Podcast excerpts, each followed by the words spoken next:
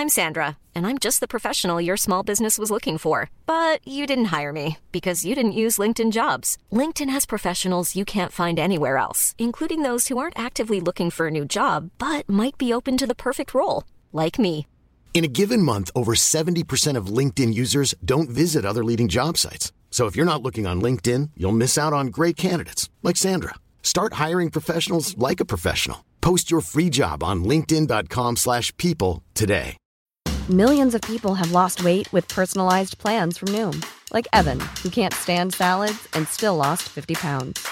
Salads, generally, for most people, are the easy button, right?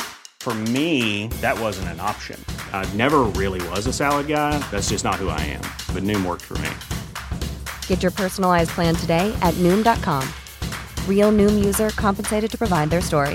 In four weeks, the typical Noom user can expect to lose one to two pounds per week. Individual results may vary. Einar, blek, uttæret, sortkledd, kommer forbi på veien og stanser ved synet av Brand. Brand skriker ut. Du, Einar! Einar, ja, så er mitt navn.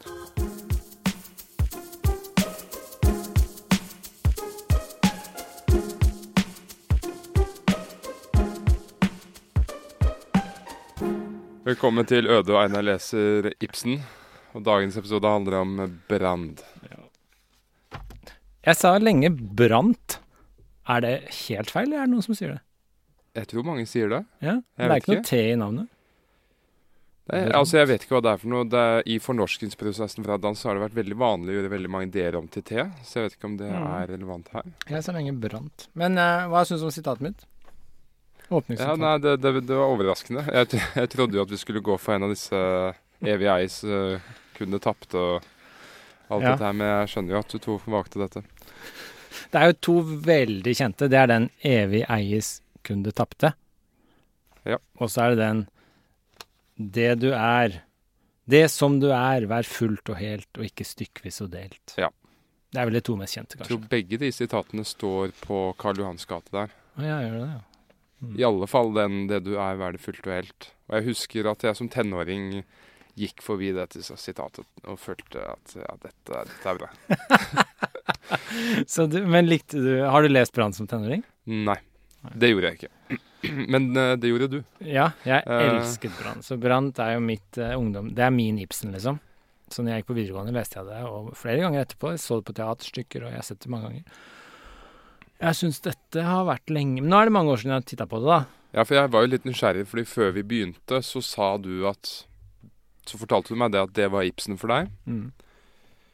Og at uh, nå sist så var du litt Du gruet deg litt for å lese det igjen. Mm. For nå har vi fått en sammenheng, og nå har vi gått litt Ja. dypere inn i Ibsen og hans prosjekt. Og hva sier du nå?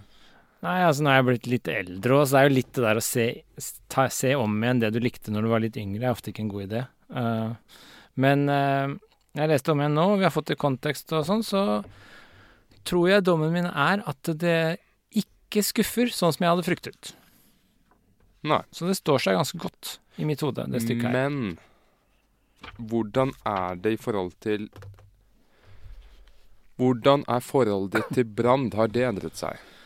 Personen Brand. Ja, så litt har nok det endret seg. Fordi trodde du at han var en skikkelig stor helt da du leste det første gang i din ungdom? Det er veldig gode spørsmål du begynner med nå, Ede. For meg var han nok en helt, ja. Ja. Eh, og når jeg leste den om igjen nå, så er han mer en karikatur.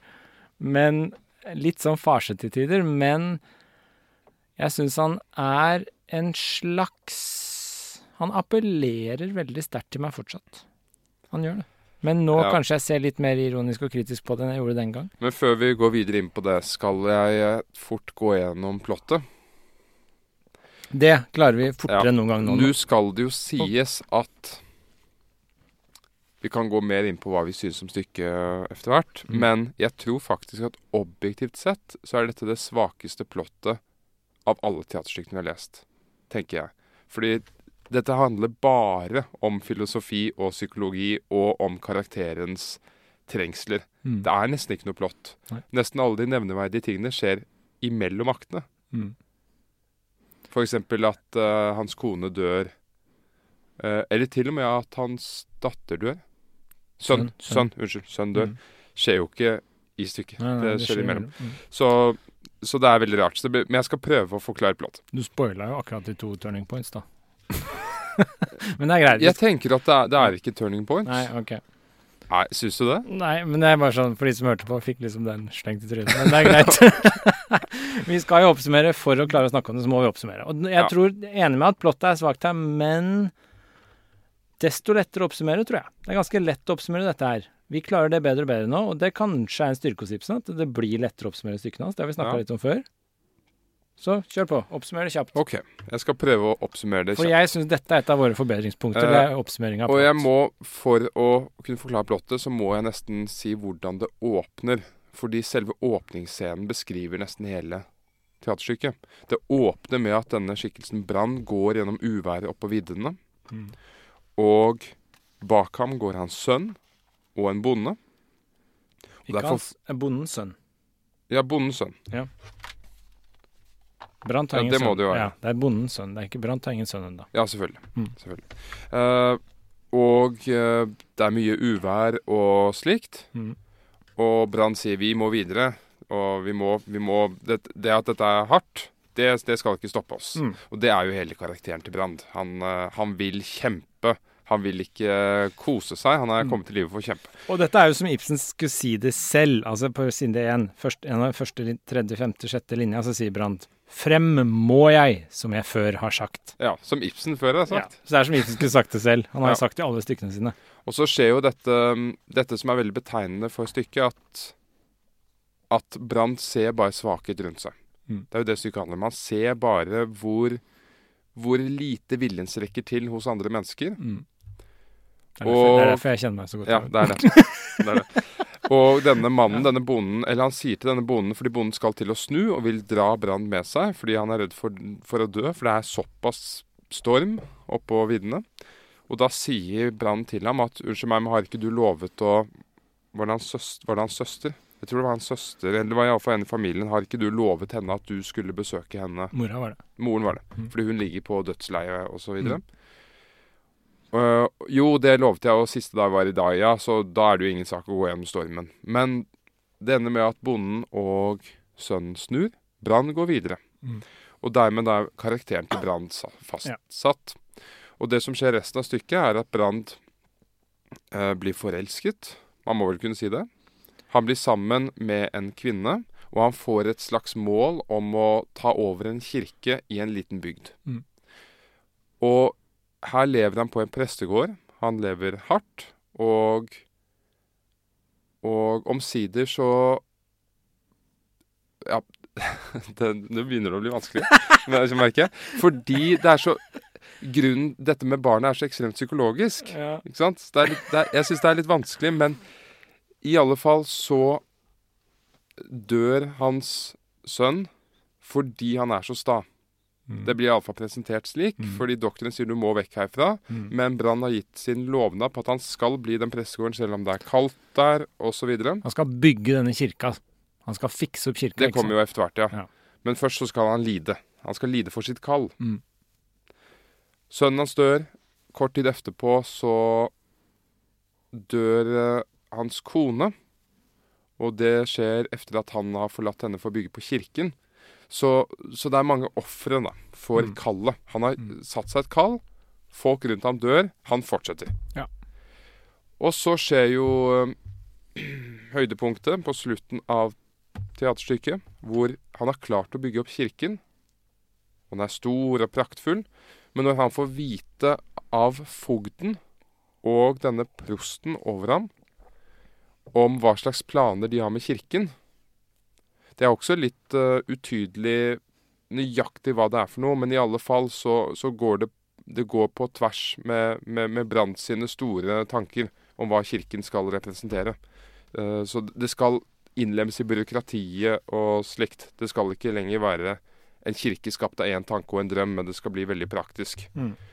Og Brand uh, tåler ikke dette, og han uh, bestemmer seg for å stenge av kirken Og han kaller folket til seg og sier at dette er ingen kirke som vi kan be i. Vi må gå ut i naturen, den virkelige kirke. Mm. Og han drar med seg menneskemengde ut mot viddene.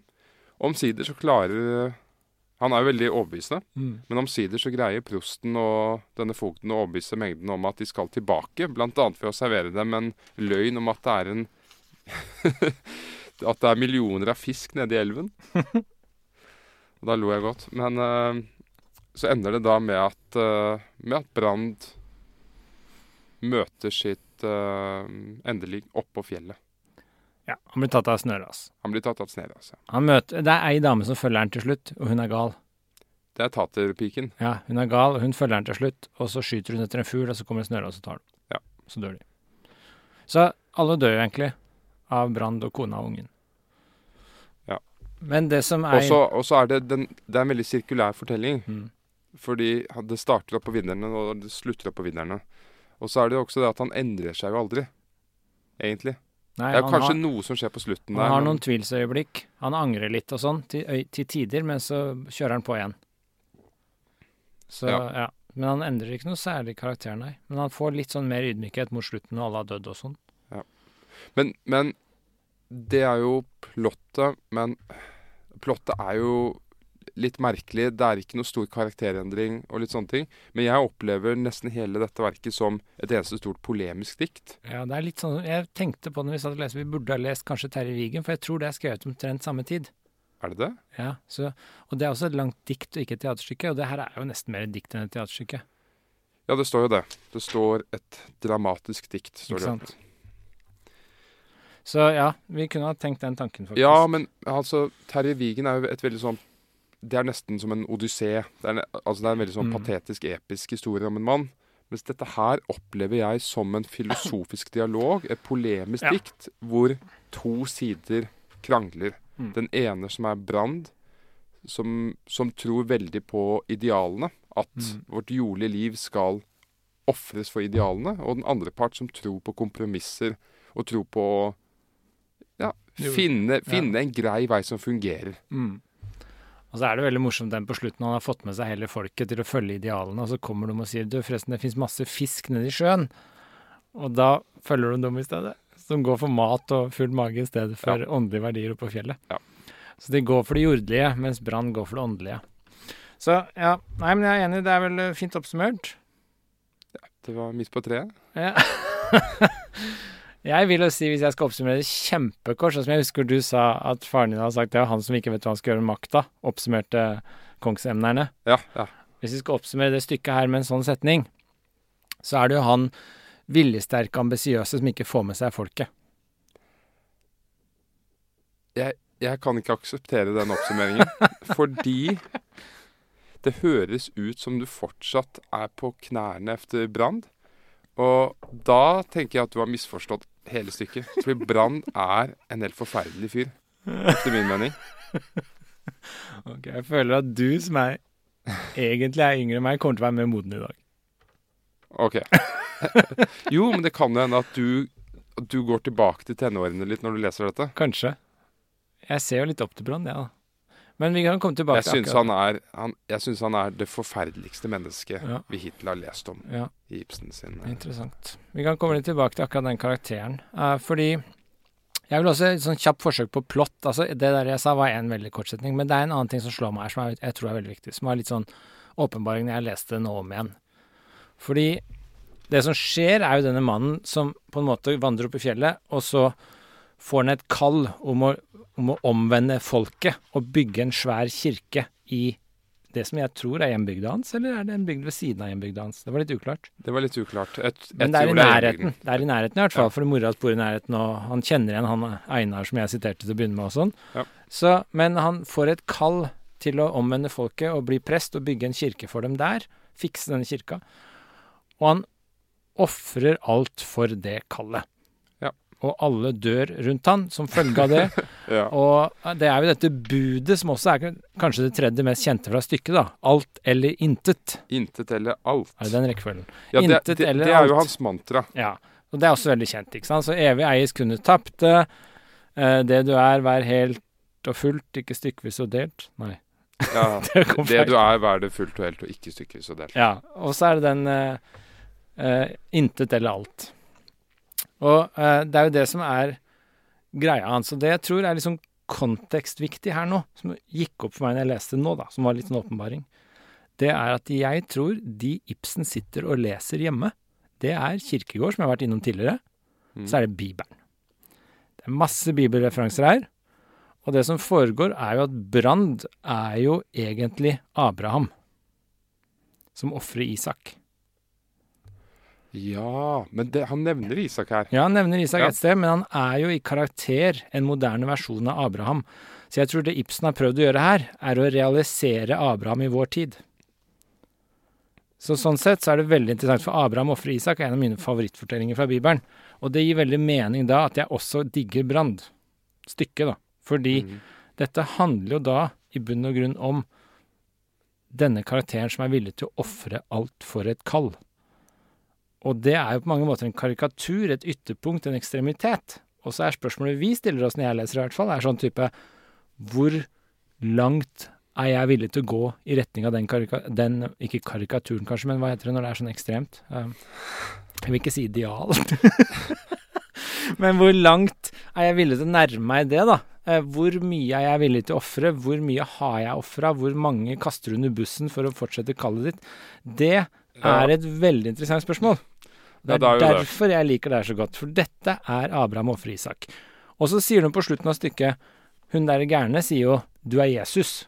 Får jeg se naglearra i hånda di? sier hun til Brant. Og det tror jeg er litt sånn feil bilde. Han er ikke Jesus, han er Abraham. For Jesus var ikke gal på samme måte. Abraham var jo antageligvis gæren, ikke sant. Så jeg tror det Hun er gal, hun sier feil, egentlig. Jeg tror det er Abraham Ibsen har prøvd å realisere her. Og det som er enda mer interessant når vi er inne på bibelting her Jeg har jo lest min bibel, vet du, husk på det. Ja. Så det som er enda mer interessant, det er jo denne Einar-skikkelsen jeg siterte til å begynne med. Fordi jeg burde jo like han best. Men Ja. denne Einar-skikkelsen, han er, tror jeg, en slags realisering Når vi møter han i siste akt, så er han en slags realisering av Jobb. ja. Så Jobbs bok handler jo om denne Jobb som Gud tester og tar fra alt. Ja, han sier jo det 'jeg fant Gud da han tok fra meg alt'. Ja. Og det er jo Jobb som blir testa for å se hva han tåler, og de tar fra han alt. De tar til og med fra han kroppslige behag, så han får ubehag og blir sjuk og sånn, men de tar ikke fra ham livet. Så de vil se hvor langt de kan pushe han uten å ta, han livet, ta fra han livet. Og Einar forteller jo Det er det som har skjedd med han. Han mister jo alt, for han var jo sammen med Agnes, var det det? Ja, Agnes blir jo konen til uh, Brand. Ja. Og, dette, i første akt så, så ser vi jo at hun er egentlig forlovet så, Hun var jo forlovet med Einar. Ja. Men så skjer det dette med at det er noen som holder på å dø ute på en holme, og de må bli frelst, og det er veldig kristent. Og så er det bare Brann som tør å gå ut i båten i uværet. Mm. Og da, da sier hun jo disse fantastiske eh, ord til sin forlovede, Einar. At eh, hun kan ikke lenger være sammen med ham fordi det er et verdenshav imellom oss. Ja. Fordi hun han ikke torde. Ja. Men du sa, litt, du, du, du sa det litt i feil rekkefølge. Det er mye mer dramatisk korrekt å si at eh, de står der og roper, og Brann kaster seg ut i båten, og så sier han 'Hvem blir med?' Man trenger en til. Og så er det ingen som tør. Ingen vil ofre sine jordlige forbindelser, er redd for å dø. Og så sier hun Agnes 'Einar, du må med', og så sier Einar 'Jeg tør ikke'. Ja. Og da sier hun 'Et hav er mellom oss'. og så går hun opp i båten. Så det er hun som har ballene her, ikke sant? Og blir med, uh, blir med Brann. Og da er det Brann liksom sikkert blir forelska. Det er litt uklart, men det er jo da de blir sammen etter det. Ja. Så de det finner, er jo de finner hverandre i denne sterke viljen. Og Agnes er jo knallhard, hun òg. Hun følger jo Brand til siste. Hun lar ungen sin dø fordi Brand gjør det sånn. Så hun er jo egentlig Jo, jeg- enten hjernevaska eller hard. Altså, jeg ser på Agnes som, eh, som et, det er et klassisk kvinnedilemma. Fordi en mann som innrømmer at han ikke tør noe, det er jo ikke en mann du blir tiltrukket av. Nei, det er jo det verste Eh, så, så det er jo Brand er jo denne ufattelig flotte mannen som har et stort kall, og det er utrolig Mm. attraktivt. Han står og han sier det er 'dette skal jeg gjøre', og 'jeg er ikke redd' og sånn. Men den mest attraktive mannen er ikke nødvendigvis den mannen det er best å være sammen med. Nei. Så dette her er jo kvinnens store dilemma. Mm. Uh, Jeg skjønner henne godt, jeg. Ja, jeg skjønner også Det er jo veldig kjempe, godt. kjempenederlag å gå hjem med en etter han har sagt 'jeg tør ikke', og så ser du Brann er mye modigere. Ja, men det blir jo også et sånt spørsmål, da. Skal man ofre det beste fordi det blir litt hardere? Det er også et spørsmål. Dette er jo manns... Dette er, du sier det er kvinnedilemma, men det er, også også mannsdilemma. Ja, ja, for all del. Altså, men, men jeg bare tenkte på, på kjærlighetsfronten, ja. så er det kanskje mer enn Mer en polaritet som kvinner sliter med. Jeg driver og hører på en bok nå som heter 'Professor in the Cage'. Har du hørt den? Nei. Det er en bok av en litteraturprofessor som skriver en bok hvor han forteller om at han begynte å føle seg litt pinglete. Og så begynner han på MMA. sånn ultimate fighting, okay. slåssing i bur. Han er jo en professor i litteratur, litt sånn pinglete, ikke sant, og ble litt sånn han ble litt sånn erta da han var liten, og så beskriver han en hendelse fra han var liten hvor han eh, det var noen som bullied han, altså erta han og tulla med han og dytta han og sånn. Og han var jo større og sterkere enn han, så han så ned og sa unnskyld. Mm. Og så sto faren hans på andre sida av gjerdet og så hva som skjedde. Og så så faren at han gjorde det, og så så han at faren så det, så så de at de så hverandre. Og så lata faren som han ikke hadde sett det. Å nei. Og så skamma han seg så fælt, ikke sant, fordi han hadde vært veik. Og den skamfølelsen, den har fulgt han som følelse av å være feig. Og så begynner han med MMA og går inn, det er derfor det heter 'Professor in the Cage', for han skal inn i bur og slåss for å liksom manne, overkomme frykten sin, da, feigheten sin. Og han skrev mye om det mannsdilemmaet. Det er nettopp det som skjer med Einar i den båten når han ikke vil gå om bord i båten.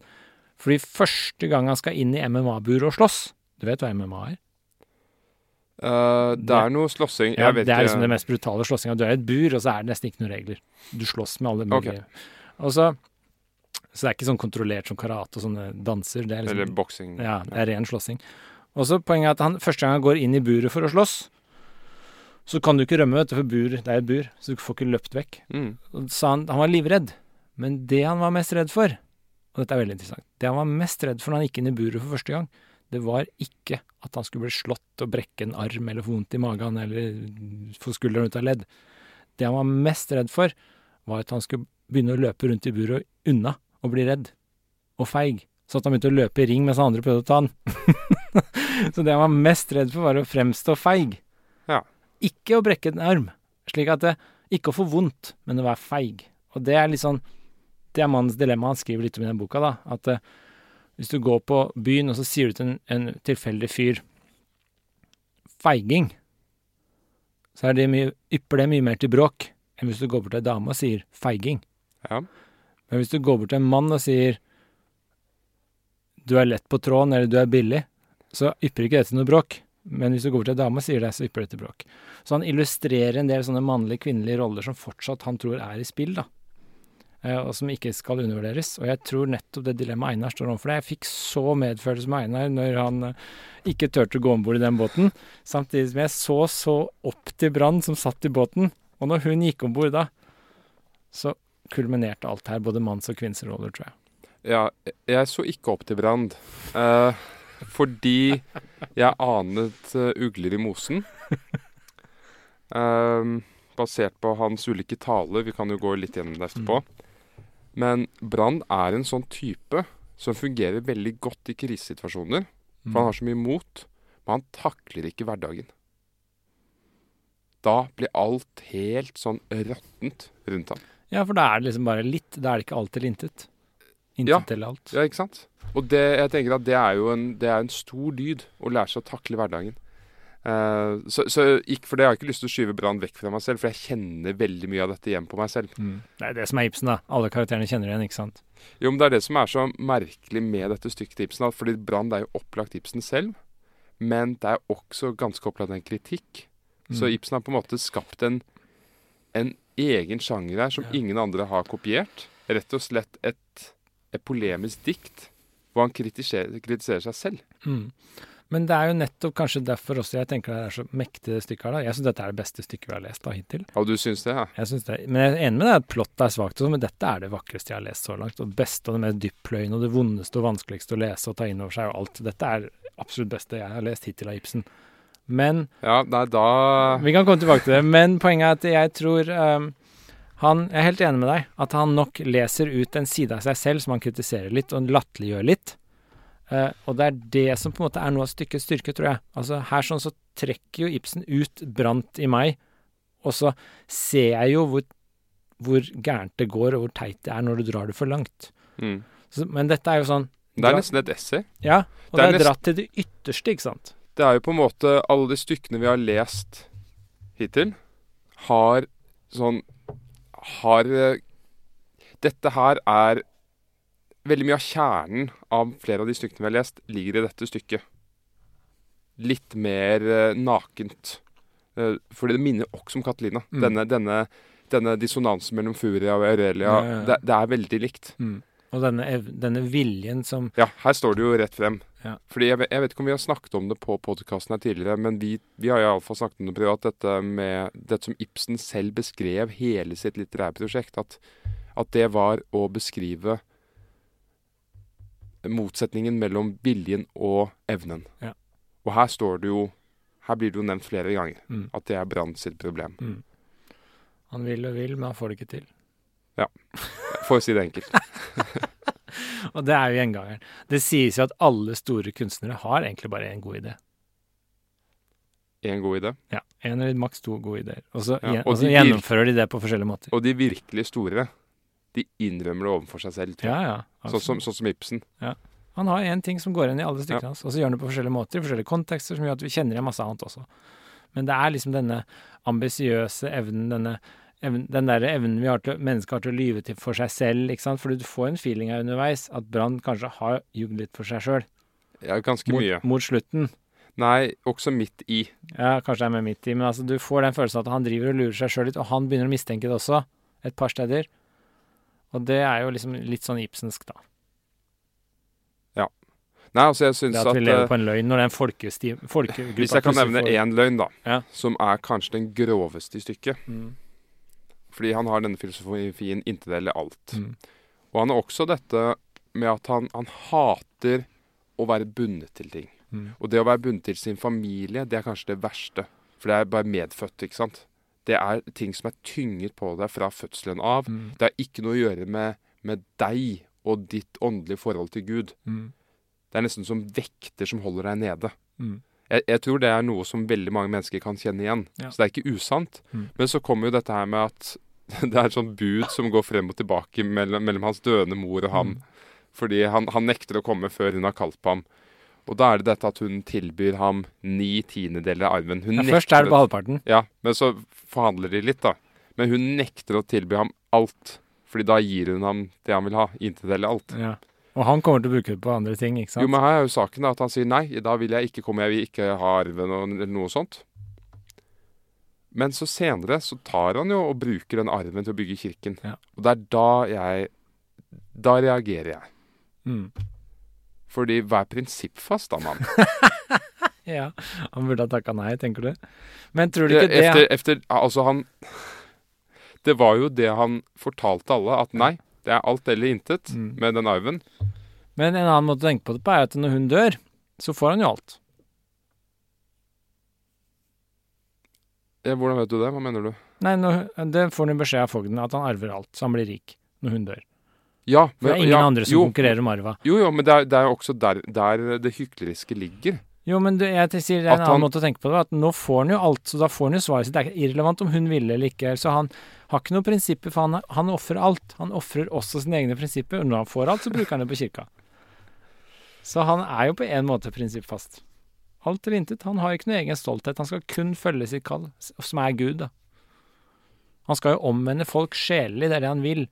Og det er jo det som er her greia. Jeg tror Ibsen Jo, har sittet og lest Johannes eh, evangeliet, hvor liksom Jo, men han er så ekstremt bundet til ordene. Det er det som er Mm. mitt problem her. Så det han reagerer på, er at moren ikke vil innrømme at hun gir ham alt. Men, men det å komme på dødsleiet til, noe, til sin mor, det er vanlig folkeskikk. Ja. Og, da, og det, å, det å da ødsle vekk hele arven etterpå på en tåpelig kirke Mm. Han syns ikke det er tåpelig, vet du. Han syns selv det er tåpelig, Eine. Ja, men jeg, jeg tror det som skjer der, er jo at han er, en, han er jo knallhard, ikke sant. Han, når Du har er hår. ja, når ungen hans blir sjuk, så sier han 'skal vi gå dit eller dit', vekk fra huset, for han får beskjed om å dra til varmere strøk. Og så går han inn igjen i huset av han er redd for at ryktet hans skal ryke, Ja, han er redd for at kallet hans skal ikke følges. Han, Det var også ille. Det var også ille. For da ble hun veldig opptatt av ære og Ja, rykte. fordi han var opptatt av å bli sett på som Ja, for de begynner å si at nå bryter du ryktet ditt, nå, nå skal du stikke Ja, av, nå så og- fort du får arv. Og altså. det er i alle fall ikke å være prinsippfast. Det å være opptatt av å bli sett på som det.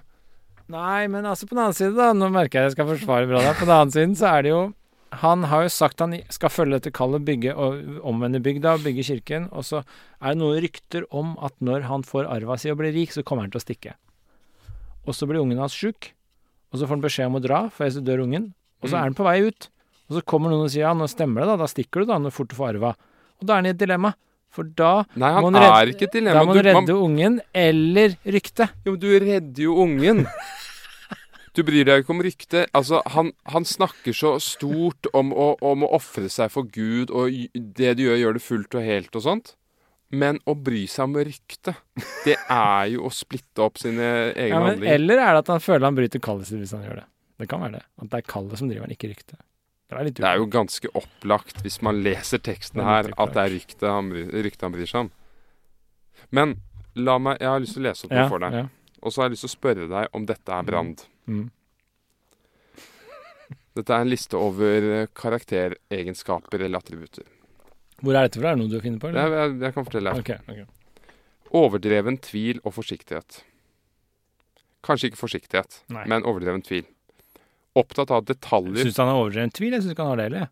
Han er litt sånn dogmatisk fast. Han tviler av og til, men ikke overdrevent. Ok, greit. Men jeg går videre. Overdreven samvittighetsfølelse og strenghet. Nei. Er du ikke enig i det? Ja, det kommer litt an på, da. Samvittighet overfor kallet, ja, men ikke overfor de andre. Ok. Nei, Ja. kanskje jeg ser på han på en helt annen måte. Ja. Urimelig insistering på at andre skal underordne seg vedkommendes egen måte å utføre aktiviteter på. ja, der er han litt. Insisterende og uønskede tanker. Ikke uønskede, er det det? De er uønskede. Han gjør ting han ikke liker. Ja, kanskje. Nei, altså Dette her er beskrivelser av tvangspreget personlighetsforstyrrelse. og, det, og, det, og det er egentlig slik jeg har sett på Brand mens jeg har lest dette. Nei, jeg At, at det. dette her Dette her er en fyr som driver med tvangstanker. Han har så store idealer han skal strekke seg mot hele tiden. Mm. Men altså, jeg, jeg ser på det litt annet. Han, han forholder seg jo ikke til virkeligheten. Han er ikke eh, pragmatisk i det hele tatt. Men altså, dette er jo litt sånn som Abraham overfor Isak. Det er en fortelling som i realiteten er umulig å oppnå. Og umulig å realisere. Men det er et ytterpunkt som illustrerer gode og dårlige sider ved mennesket. Uh, og det er jo dårlige sider som du fokuserer på her. Og så er det de gode sidene som jeg fokuserer på. Det er ingen, det er ingen gode sider. For det er jo litt sånn derre Det derre drivet om å jobbe. Og det sies jo at det, Ibsen Jeg husker ikke hva var det kun, Han skulle være kunstner først, tror jeg. Og så ble han prest. Altså Han hadde tenkt å lage Brann som noe annet. Prest var bare sånn Det var et tilfeldig yrke han fikk her nå. For dette gjelder jo alle som har et kall. Ja. Det er ikke noe med Egentlig har det ikke så mye å si om det var en prest som skulle bygge en kirke, eller om det var en kunstner som laget lage maleri. Skjønner du? Nei. Det er å følge et kall som er trikset her. Og det kan du ha innenfor Det kunne vært en idrettsutøver da som skulle vinne gull. ikke sant? Det kan være alt sånne ting som du jobber for. Mm. Eh, og det Og det er, ser vi jo. Altså, det- dette men- er en velkjent historie Ja. av folk som i f.eks. idretten går så langt med kallet sitt at familierelasjonen blir Mm. ødelagt osv. For eksempel. Noen brødre, eller? Ja. Ja. Eh, altså, det er, det er jo det å følge et kall. Også da er det veldig interessante spørsmål hvor mye er du villig til å ofre for å oppnå det du vil oppnå? Det er et superinteressant spørsmål. Og jeg føler jo Abraham ofrer Isak. Jeg føler Brand. Jeg føler det på kroppen bare jeg sitter på kontoret til klokka fem-seks for å skrive ferdig noe i stedet for å gå hjem. Skjønner du? Så føler jeg litt sånn Brand og Abraham i meg. Jeg ofrer noen timer med unga, for eksempel, for å fullføre det jeg driver med. Altså, du og alle gjør sånne ofre hele tiden. Og det er det som er så interessant med disse karakterene. Det er ikke alle som gjør det, vet du. uh, Men de som aldri ofrer noen ting, det er dølt liv. jo, jo, jeg er helt enig. Men problemet med Brand er jo at han vet ikke hva han ofrer det for. Det er så uklart. Ja, men sånn er jo livet. Tenk deg alle de hjemmeværende mødrene som har ofra livet sitt for unga sine. De er jo levende brannfigurer. Ja. Um, men Og det er litt men, uklart hva de gjør for. De bare gjør det av ren kjærlighet. Og les siste setningen i, bok, i stykket. Bare les den om en gang. Han er Deus Caritas. Hva betyr det? det? Ja, det er guddommelig omsorg eller guddommelig kjærlighet. Ja, han er den guddommelige kjærlighet. Og den, dette er jo dette er, Jeg sa Johannes evangeliet, jeg mente ikke det. Jeg mente selvfølgelig Paulus. Altså dette er noe med dette er noe med Paulus i Nytestamentet handler nettopp om dette at vi må sjelelig omvendes. Det er det det går på. Mm. Og det jordelige er mindre relevant. Og det er liksom greia til eh, Brand. Han skal omvende folk sjelelig, og det jordelige skal du bare ofre. Og det er derfor jeg tror det er referanser til, til Abraham, er, som ofrer det kjæreste han har, nemlig denne sønnen han har venta 100 år på å få. Så ofrer han det for kallet til Gud. Og Jobb, som blir fratatt alt, allikevel ikke forbanner Gud, det er og holder ut, og får da dobbel belønning til slutt. Fordi han holdt ut. Og det er han Einar i, den, i det stykket her. Mm. Jeg er helt Så- enig. Det er veldig fin uh... Så dette tror jeg er Jeg syns dette er utrolig godt stykke. Også det at det derre Det at Brand er den derre Det beste, men også det verste i deg. Det er det som gjør det så bra. Hadde Ja. han bare vært det verste, så hadde det vært et stusslig stykke. Men det at vi kjenner igjen ambisjonene våre i Brand, og så kjenner vi igjen det at vi må ofre noe for å oppnå det, og så kjenner vi enten igjen feigheten i at vi ikke har ofra nok, eller straffen for at vi har ofra for mye. Ja. Men så er det noen interessante fordi, altså Som du nevnte, dette med å ofre seg for barn. Hvorfor gjør man det og sånn? Um, det er klart. Men i dette stykket så ofrer jo Brand gjerne sine barn for en idé. Så det er jo også et tema her. Som du sier, det åndelige Mm. kontra det jordlige. Så til og med barn er ikke et godt nok motiv for Brand. Så. Brand er veldig sånn Han beskrives vel et sted som en himmelstormer. Ja, og det er jo Abraham. Han ofrer også barnet sitt. Mm. Og det er ikke bra. Altså, det jord, fordi det er jordelig. Og Kirkegaard skriver om hvordan det offeret er Altså, det er noe som hever seg over moralen. Altså, det er høyere kall enn moral. Moral er hvordan vi oppfører oss mot hverandre, og det kristne kallet, det er høyere enn det. Og da bikker det over i galskap, ikke sant? Eh, og det er det som skjer med brant. Ja, men så Ellers så bikker det over i profeti. Og du som har lest Bibelen han bes, han, Denne svermen av mennesker har ikke du lest Bibelen? Ikke fra perm til perm. Du har lest mye, eller? Nei, ikke mye. Jeg ville kanskje sagt 40-30 kanskje. Men var ikke du liksom, sånn, bikka ikke du over i kristen en periode? Jo, jeg har prøvd ut det også. Har det gått tilbake? Jeg husker det var en kort periode du sa du var blitt kristen, og så hørte jeg ikke noe mer. Er det gått over? Ja, nei, ja, det har gått over. Ok. Jeg bare spør, jeg. Men, men det jeg hadde tenkt å spørre deg om Mm. Fordi denne svermen av mennesker, de roper jo profet, profet. Mm. For han er veldig flink med ord. Brand. Så, du, så du hvordan han vokste når han talte? Ja, ikke sant? Ja, ikke sant? Husker du den? Ja. Åh, jeg kjenner det så veldig igjen. Damene ble litt mo i knærne når han talte, ikke sant? Jeg kjenner det så veldig igjen. Ikke det med damene, men Men, men, men altså at jeg, jeg, jeg kan være ganske flink på å holde taler. Mm. Og det som er så ille, er at jeg vet at det høres mye bedre ut enn det er substans i det. Jeg vet det. Men, men her var Ja, poenget mitt. om. Her er Ja. poenget mitt, da. Profet, profet. Husker du Siden vi vet at Ibsen eh, arbeider med bibelreferanser her. Mm. Husker du hva Jesus sier om hvordan man skal skille falske profeter fra ekte profeter? Ja. Hva er det? Du skiller de falske fra de ekte ved å se på handlingene deres. Fruktene av deres handlinger. Mm. Nettopp. Og det er derfor Brand er en falsk profet. Fordi Hva er fruktene av hans handlinger? Nei, men En, en død sønn, en død kone, et, et oppildnet, en oppildnet landsby, kaos, en kirke som Ja, ødelagt den gamle kirken, laget en ny som han hater. men nå skal jeg parere deg, Øde. Mm. Fordi vi er nå enige om at vi skal gjenkjenne en profet på dets frukten av dets handlinger. Ja. Så sier du Brand feila. Det var ikke noe frukter av handlingene hans. Det var bare masse død. Derfor er han falsk profet. Ja. Se på Jesus. Rett etter hans død. Hvor mange frukter var det han sa? Det var ikke mye. Det var Nei. kaos, det var korsfestelser, det, var, Nettopp. det gikk, det, det gikk til helvete. Det er det som er poenget til Jesus. Så han var en falsk profet. Ja. Så hvis Jesus var en falsk profet, så er det greit at Brann det, for det er jo alle det, på en måte. Men Mm. poenget er at eh, jeg tror, hvis du tenker litt større på det, ser litt lengre på litt Nei, lengre sikt Altså, altså- Jesus sine frukter av Jesus var jo på lang sikt som et ideal, så fremstår han med gode frukter. Folk har noe å se opp til. De har denne Jeg skulle til å si farsfiguren, men det blir gærent, det. De har denne figuren som de kan se opp til. Ja. Og det er kanskje det Brann kan være òg, ikke sant. Altså, kanskje i bygda går det til dundas han blir tatt av ikke et takras, men av snørase. Kanskje om 100 år, kanskje om 2000 år.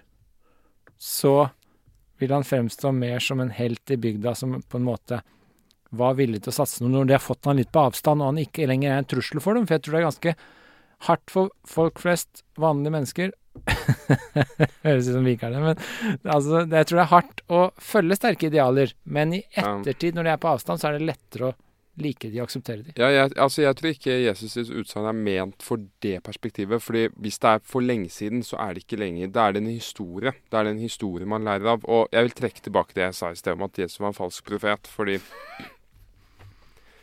eh, Jeg skøyer litt. Men fordi hvis du ser på inntil Jesus dør Hva med Allah? Tenker du han er falsk profet? Hvem da? Allah? Allah? Eller ikke Allah, men Mohammed? Um, jeg tror ikke jeg skal svare på det. jeg forholder meg eh, retten til å Ja. tie. Um, jeg, men- også, jeg også. Noen ting er bare for skummelt å snakke om. Ok. Uh, nei, frukter fra Jesus sin lære mens han levde, Mm. det var jo Det var jo ikke noe ille. Det var eh, mennesker som gikk rundt og, i fred og Nei, jeg tenker at eh, man kan ikke styre hva mennesker efter en gjør. Det er noe annet. Så, så, så jeg har lyst til å ha litt kortere perspektiv på det. Fordi straks når noe havner langt bak i historien, så blir det en fortelling. Det Men husk, husk på Brand i forhold til Jesus. Det sies, hun sier jo til slutt hun ga det, for å se på naglehulla i hånda di. Men Mm. hvis du sammenligner Brand med Jesus Jeg sammenligner med Abraham. Sammenligner med Jesus, så ser du Han kommer inn i byen, litt sånn ut av intet, sånn som Jesus. Kommer inn i byen, og så får han jo med seg folket. Til en viss grad. Og så snur de mot han. Når de får beskjed om at de kan få fisk i stedet. Som er ganske morsomt, da. Men de snur imot han da, og da jager de han ut i ørkenen. Det er jo på en måte korsfestelsen, ikke sant. Det er Jesus får med seg folk og gjør mye bra, og så snur de mot han. Og så sier Pontus Pilatus, hva vil dere jeg skal gjøre med denne mannen, han har jo ikke gjort noe gærent. De bare, korsfeste han, drepe han, blod, roper de, folkemengdene. De jager ham disse ørkenene. De gjør ikke det i Bibelen, men de gjør det med brann. Korsfeste Jesus. Det er litt, analogien er der, ikke sant? Ja, men så er det dette her Men Så fruktene er kanskje på kort sikt det samme? altså, han har bygget en kirke som han efter oppfølelsen fornekter. Han vil ikke vedkjenne seg kirken han selv har laget. Han sier 'nei, her er det ingen gud'. Ja, for han syns folk blir for praktiske. Så Ja, de bruker bruker det feil. Det Ja, men han er misfornøyd før han får vite det eh, i denne siste handlingen. Så, så det er noe annet. Det er, dette her er en person som har uoppnåelig ideal. Hans, hans leveregel er å ha uoppnåelige idealer. mm. Og det kan ikke bli godt nok for ham. Og har han fått oppført sin kirke, så er han misfornøyd. Og du vet, har, du, har, du har spilt litt musikk, jeg har spilt litt musikk. Det er en regel når du fremfører musikk, at selv om det ikke var helt perfekt, så bukker du for publikum, og du oppfører deg ordentlig når, når du er ferdig. mm. Du sier ikke nei, 'dette var helt forferdelig', og det, dere ser bort fra det dere har hørt, og, og sånt. og jeg, altså jeg kjenner dette igjen, fordi jeg har veldig, jeg har veldig hangen til å gjøre det selv. Ja, du har lyst til å si det. Ja, ja, ja. ja. Kan vi ta tilbake det her på nytt, Ja, ja. folkens? Glem alt, dere, glem alt dere har hørt. Ja. Det, det, finnes, det fantes ingen gud i denne sang. Nei, nei. Men så er det noe med denne folkeskikken. Ja. Fordi han er ikke Jesus. Brann er ikke Jesus. Nei. Han føler at han er det, men Mm. Men hvis jeg skal være helt ærlig, og det skal man jo skal man det? Nei, man skal jo ikke det, men jeg er der likevel. Har du ikke hørt eh, fogden og prostens ord på slutten? Hva sier de? Å ja, det er en her, står det at uh, Ja, det står um, Touché, altså. Du Det tok står eh, det, det der med fiskene. Ja. Mirakel. Ja, fiskestimen. Pff, Det var en løgn, naturligvis. Jaså, en løgn? Fogden. Jeg ga til pris, hva vrøvl meg først i munnen falt. Kan slikt vel lastes hvor det gjaldt, så viktig sak? Prosten. Nei, Gud bevares, i nødfall kan det godt forsvares. Fogden. Og dessforuten, om et døgn, når folk når folket atter får seg sunnet, hva gjør det da om seier ble vunnet i kraft av sannhet eller løgn? Prosten. Venn, jeg er ingen rigorist. Mm. Målet helliger middelet her. Ja. Det er jo disse to um, Interessant her er at det er sånn Brann tenker òg, ikke sant. Målet er å få bygd og omvendt folket helliger at han ofrer og folk dør rundt han. Mens her så tenker de den lille løgnen folket vil leve på, helliggjør. Ja, og de argumenterer jo godt for seg, disse to, Ja. som står for den andre siden av denne disputten. Men eh, ja, nei, jeg bare syns det stykket er litt vondt og vanskelig. For hvis jeg skal være helt ærlig med deg, da Nå kan ikke jeg være ærlig da etter det du har lest der, men eh, hvis jeg skal servere en ny livsløgn, da, som vi kan leve, Nei da, vær, vær leve på litt til, så er det jo at eh, dette er på en måte litt sånn Jeg tror en av grunnene til at Og dette er, jeg husker ikke om jeg sa det forrige gang, men det som er litt interessant med Ibsen, som jeg sa Ibsen er i ferd med å ta meg. Han når meg mer og mer, og fanger meg mer og mer. Og det er som å gå til psykolog. Å lese Ibsen er nå som å gå til psykolog for mitt vedkommende. Ja. Og det og det er noe med Bibelen Det sies om Bibelen at den leser deg like mye som du leser Bibelen. Og Ja. sånn er det med Ibsen også. Han leser meg nå like mye som jeg leser han. Det er det som er sånn triks og syns jeg er sånn magisk med Ibsen. Og det som er med Brand, det er at han viser fram på en litt sånn karikert, parodisk måte sider ved meg selv som jeg både elsker og hater. Slik at det, når jeg driver med et prosjekt, eksempel, så kan jeg bli veldig gira, og så blir jeg veldig ivrig, og så merker jeg at folk rundt meg ikke er like ivrig. Mm. Og så blir jeg irritert for de ikke er ivrigere, og så sliter jeg dem ut. Så jeg blir sånn vi Du leser, sliter dem ut. Ja, litt. Jeg blir sånn Vi leser alt av Ibsen, og så merker jeg Vi gjør det flere ganger i uka, og så blir det sånn Ja, nei, nei, det skjedde ikke med deg, da. Eh, Det skjedde ikke her nå. Men det har skjedd før. At jeg er på okay. prosjekter, og så blir jeg for gira, så merker jeg på slutten av dagen når jeg liksom, Vi tar sju nye opptak, og så merker jeg at den som driver jobber med meg, er helt utslitt. Og så er Ja. ikke jeg altså, så, så jeg sliter det ut, og det er kanskje derfor jeg kjenner meg litt igjen i Ibsen. Jeg blir veldig gira på et prosjekt, og så sliter jeg ut folk rundt meg fordi jeg Og da føler jeg litt den der Jeg finner ikke igjen viljen hos de andre. Mm. Og det er veldig sånn Det kan høres fælt ut, men jeg tror faktisk det er sant.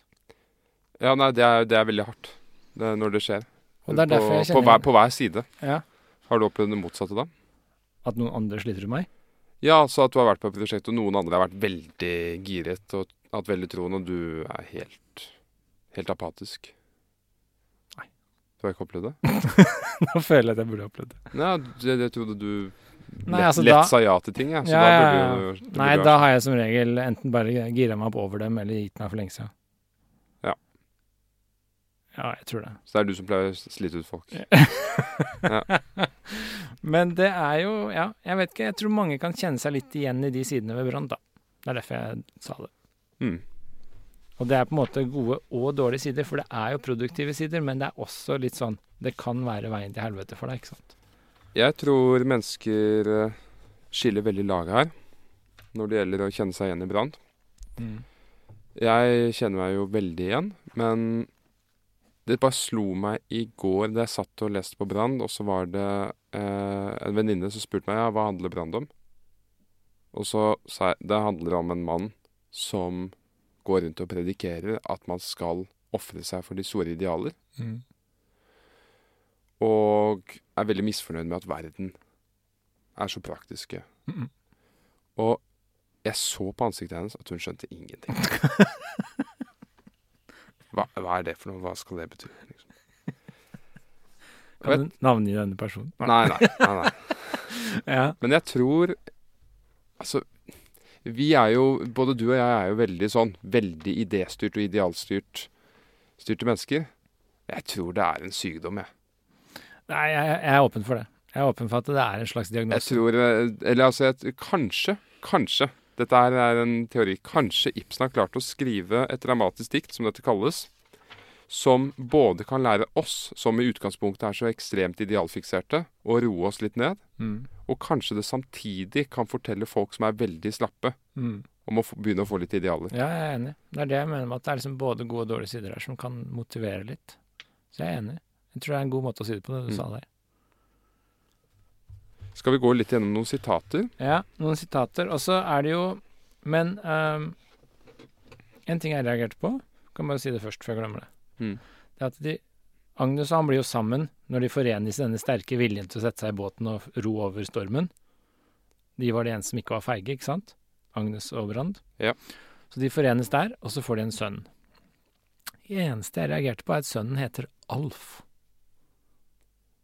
Der ble det en krasj i tid. Altså, Alf er bare gamle folk som heter Alf. Det er ingen unger som heter Alf lenger. Det tror jeg er et navn som er i dalende statistikk, hvis du sjekker det opp. Fordi jeg ser på den gamle gubben, jeg, og så er det en liten baby. Så jeg ble veldig forvirra. Jeg følte det burde være en voksen unge, og så var det en liten, og så ble jeg veldig forvirra på alderen til dette barnet. Så Alf, det var en feil navn. Han må ha et litt mer nøytralt navn. Ja. Har- Sjekker du noe om heter Alf? Nei, det gjør jeg ikke. Jeg, jeg sjekket etymologien, og dette er jo litt vanskelig, fordi det betyr hovedsakelig alv. Men det har jo også blitt brukt som Altså, det kan være en forkortelse for Adolf, altså som i edel. Mm. Det kan jo hende at eh, Ibsen ikke ville kalle ham for Adolf pga. en viss person. Nei. Nei, bare spøk. Nå trodde jeg Så profetisk var ikke hilsen. Ja, Alfred. Alfred blir da edel, sånn Ja. som Adolf. Nei, Så det, er, det er, så det er nok bare et uttrykk for at han er veldig edel, veldig viktig. Ja. Agnes på sin side kommer jo fra gammelgresk hagnos, tror jeg. Som uh, betyr å være um, kysk eller tro. mm. Agnes Ren. er vel i en av de andre stykkene. Har vi ikke sett flere Agnes opp gjennom disse stykkene vi har lest? Ja, har vi det? Jeg tror det er en Agnes til i en av stykkene. La meg se Og så Gerd i dette stykket er jo hun gale, da. Hun blir gæren. Ja, det er taterpiken. Det er hun som følger hun er nesten bare hun, hun kan like så godt eksistere bare i Brann sitt hode. Altså, de omtaler henne jo, de andre, men Ja. hun, hun er på en måte denne profetiske Mm. Eller denne Kan man si at hun er på en måte underbevisstheten hans på noen måte?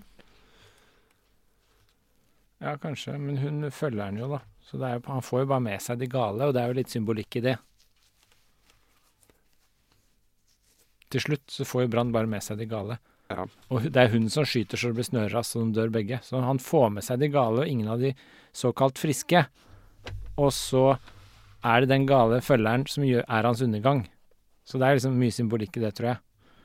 Og så får han ikke med seg de som er i Nå gjør jeg sånn gåsetegn, eller hva det heter. Hermetegn, eller hva det heter. Eh, de friske. Fordi det er jo en veldig kjent greie her at eh, Nietzsche, som kom litt senere enn det her, da, han skrev jo at eh, de gale er jo de veltilpassa. Det er de som egentlig er gale. Så majoriteten som er veltilpassa borgere, de er jo gale. Og de friske er de som på en måte bare gjør sine egne ting og bryter ut. Så det er slik at det- det er Nietzsche som snur på ting. Og det er jo litt sånn jeg får følelsen av i Brann, da. Altså, det er jo spekulert litt i om Nietzsche var inspirert av Ibsen. For dette kom jo i 68, 66? Når kom det her? Eh, 60 1866. Ja, altså Det minner jo litt om en ironisk utgave av Sautustra, på en måte. Men den, Ja, den kom vel ut før Sautustra? Ja, så Nietzsche begynte å skrive sånn på begynnelsen av 70-tallet. ikke sant? I 66 så var han 22 år. Da hadde han ikke skrevet noe særlig ennå. Mm.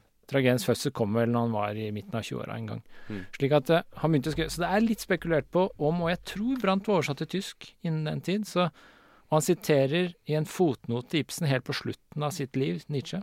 Slutten av sin skrivekarriere. Så det er litt spekulert. Men poenget er at det vi ser i Brann her, er jo at eh, det er de gale som følger idealisten. Men på en annen side, du får ikke sånn kjemperespekt for massene her. Massene er jo en saueflokk som bare går frem og tilbake ettersom noen roper. Ja, jeg syns det er veldig morsomt med denne roper- prosten, denne prosten på slutten der Ja. som sier 'mine få' om, om Det er jo det de er. De er en saueflokk som følger liksom de som vifter med fisken, skjønner du. Slik at det, det er jo de som er gale, egentlig. Sånn sett, som jeg kan lese det her som. Og så er det jo Brann som er egentlig sann mot seg selv. Men så tviler han, og så er det hele tiden, lurer det hele tiden denne trusselen om at han egentlig bare lever på en livsløgn. Det er det som lurer hele tiden. Han møter jo ikke Gud. Hadde Gud plutselig dukka opp, så hadde det vært noe annet. Han gjør Altså- ikke det. Han kan hende han lever på en livsløgn hele tiden. Ja, jeg tenker jo at det ligger mellom linjene at det er det han gjør. Ja, du er blitt så realistisk, vet du. Altså for eksempel på slutten, når han leder Det disse, skulle vært en kristen øde vi hadde med her. når han leder disse tilhengerne på slutten, Mm. og så spør tilhengerne hva vei? Mm. Så sier Brand hver vei er like god når kun den målet bærer imot. Følg efter. Og det forteller meg om en mann Jeg Som- skjønte ikke det sitatet. det, ikke? Hva det betyr er, det? det er en selvmotsigelse, ikke sant? Les en gang til. For jeg streka under med fordi jeg ikke skjønte det. Kan eh, få med litt uh, kontekst her, da. Nå gikk jeg litt for langt tilbake. Vi kan begynne å se på de sitatene. Der er det. Ja. Kan uh, begynne å se. Brann, fullt av mengden, menn og kvinner og børn, kommer oppover bakkene. Brand, se fremad, dit går seierens flukt. I dypet ligger bygden lukt. Og været her fra fjell til fjell, spent over den sitt tåketjeld. Glem døsen i den skumle grend, fly fritt, fly høyt i Herrens menn. Dette oppfatter jeg som bare en patetisk tale. Det er, det er ikke så mye, mye substans her. En mann. Vent, vent, min gamle far er trett. En annen. Jeg fra i går har intet ett. Flere. Ja, still vår sult og slukk vår tørst. De begynner med en gang å bli sånn jordlige, ja, det blir jo jordelig, praktisk og kjedelig. Mister Og så sier Brann frem, fremad over fjellet først. Brann er så kul. Ja, altså. Fullfør jobben før du spiser lunsj. Uh, Ja, ikke sant? Ikke Ja. driv og klag på at jeg er sulten klokka ti, liksom. Ja. Skolemesteren, hva vei? Brand, hver vei er like god når kun den mål, målet bærer imod. Følg efter her. En mann, nei det er bratt, vi vinner ikke frem før i natt. Klokkeren, iskirken ligger og der borte. Den bratte veien er den korte, sier Branda. Ok. Hva vei? Hver vei er like god når kun en målet bærer imod. Altså det er en selvmotsigelse. For hver vei er like god når kun den står imot målet. Altså det han sier der altså hver, jeg. Ja. hver vei kan jo ikke gå mot det samme målet. Så det han sier her, er at målet er bare å ha det tøft. Det ligger en slags innrømmelse der. ja. Altså, Brandt sin forestillinger baserer seg på å hele tiden gjøre det vanskelige. Hele tiden gjøre det vanskelig for seg selv. Gå oppe på lien, selv om han ikke vet hvor han skal.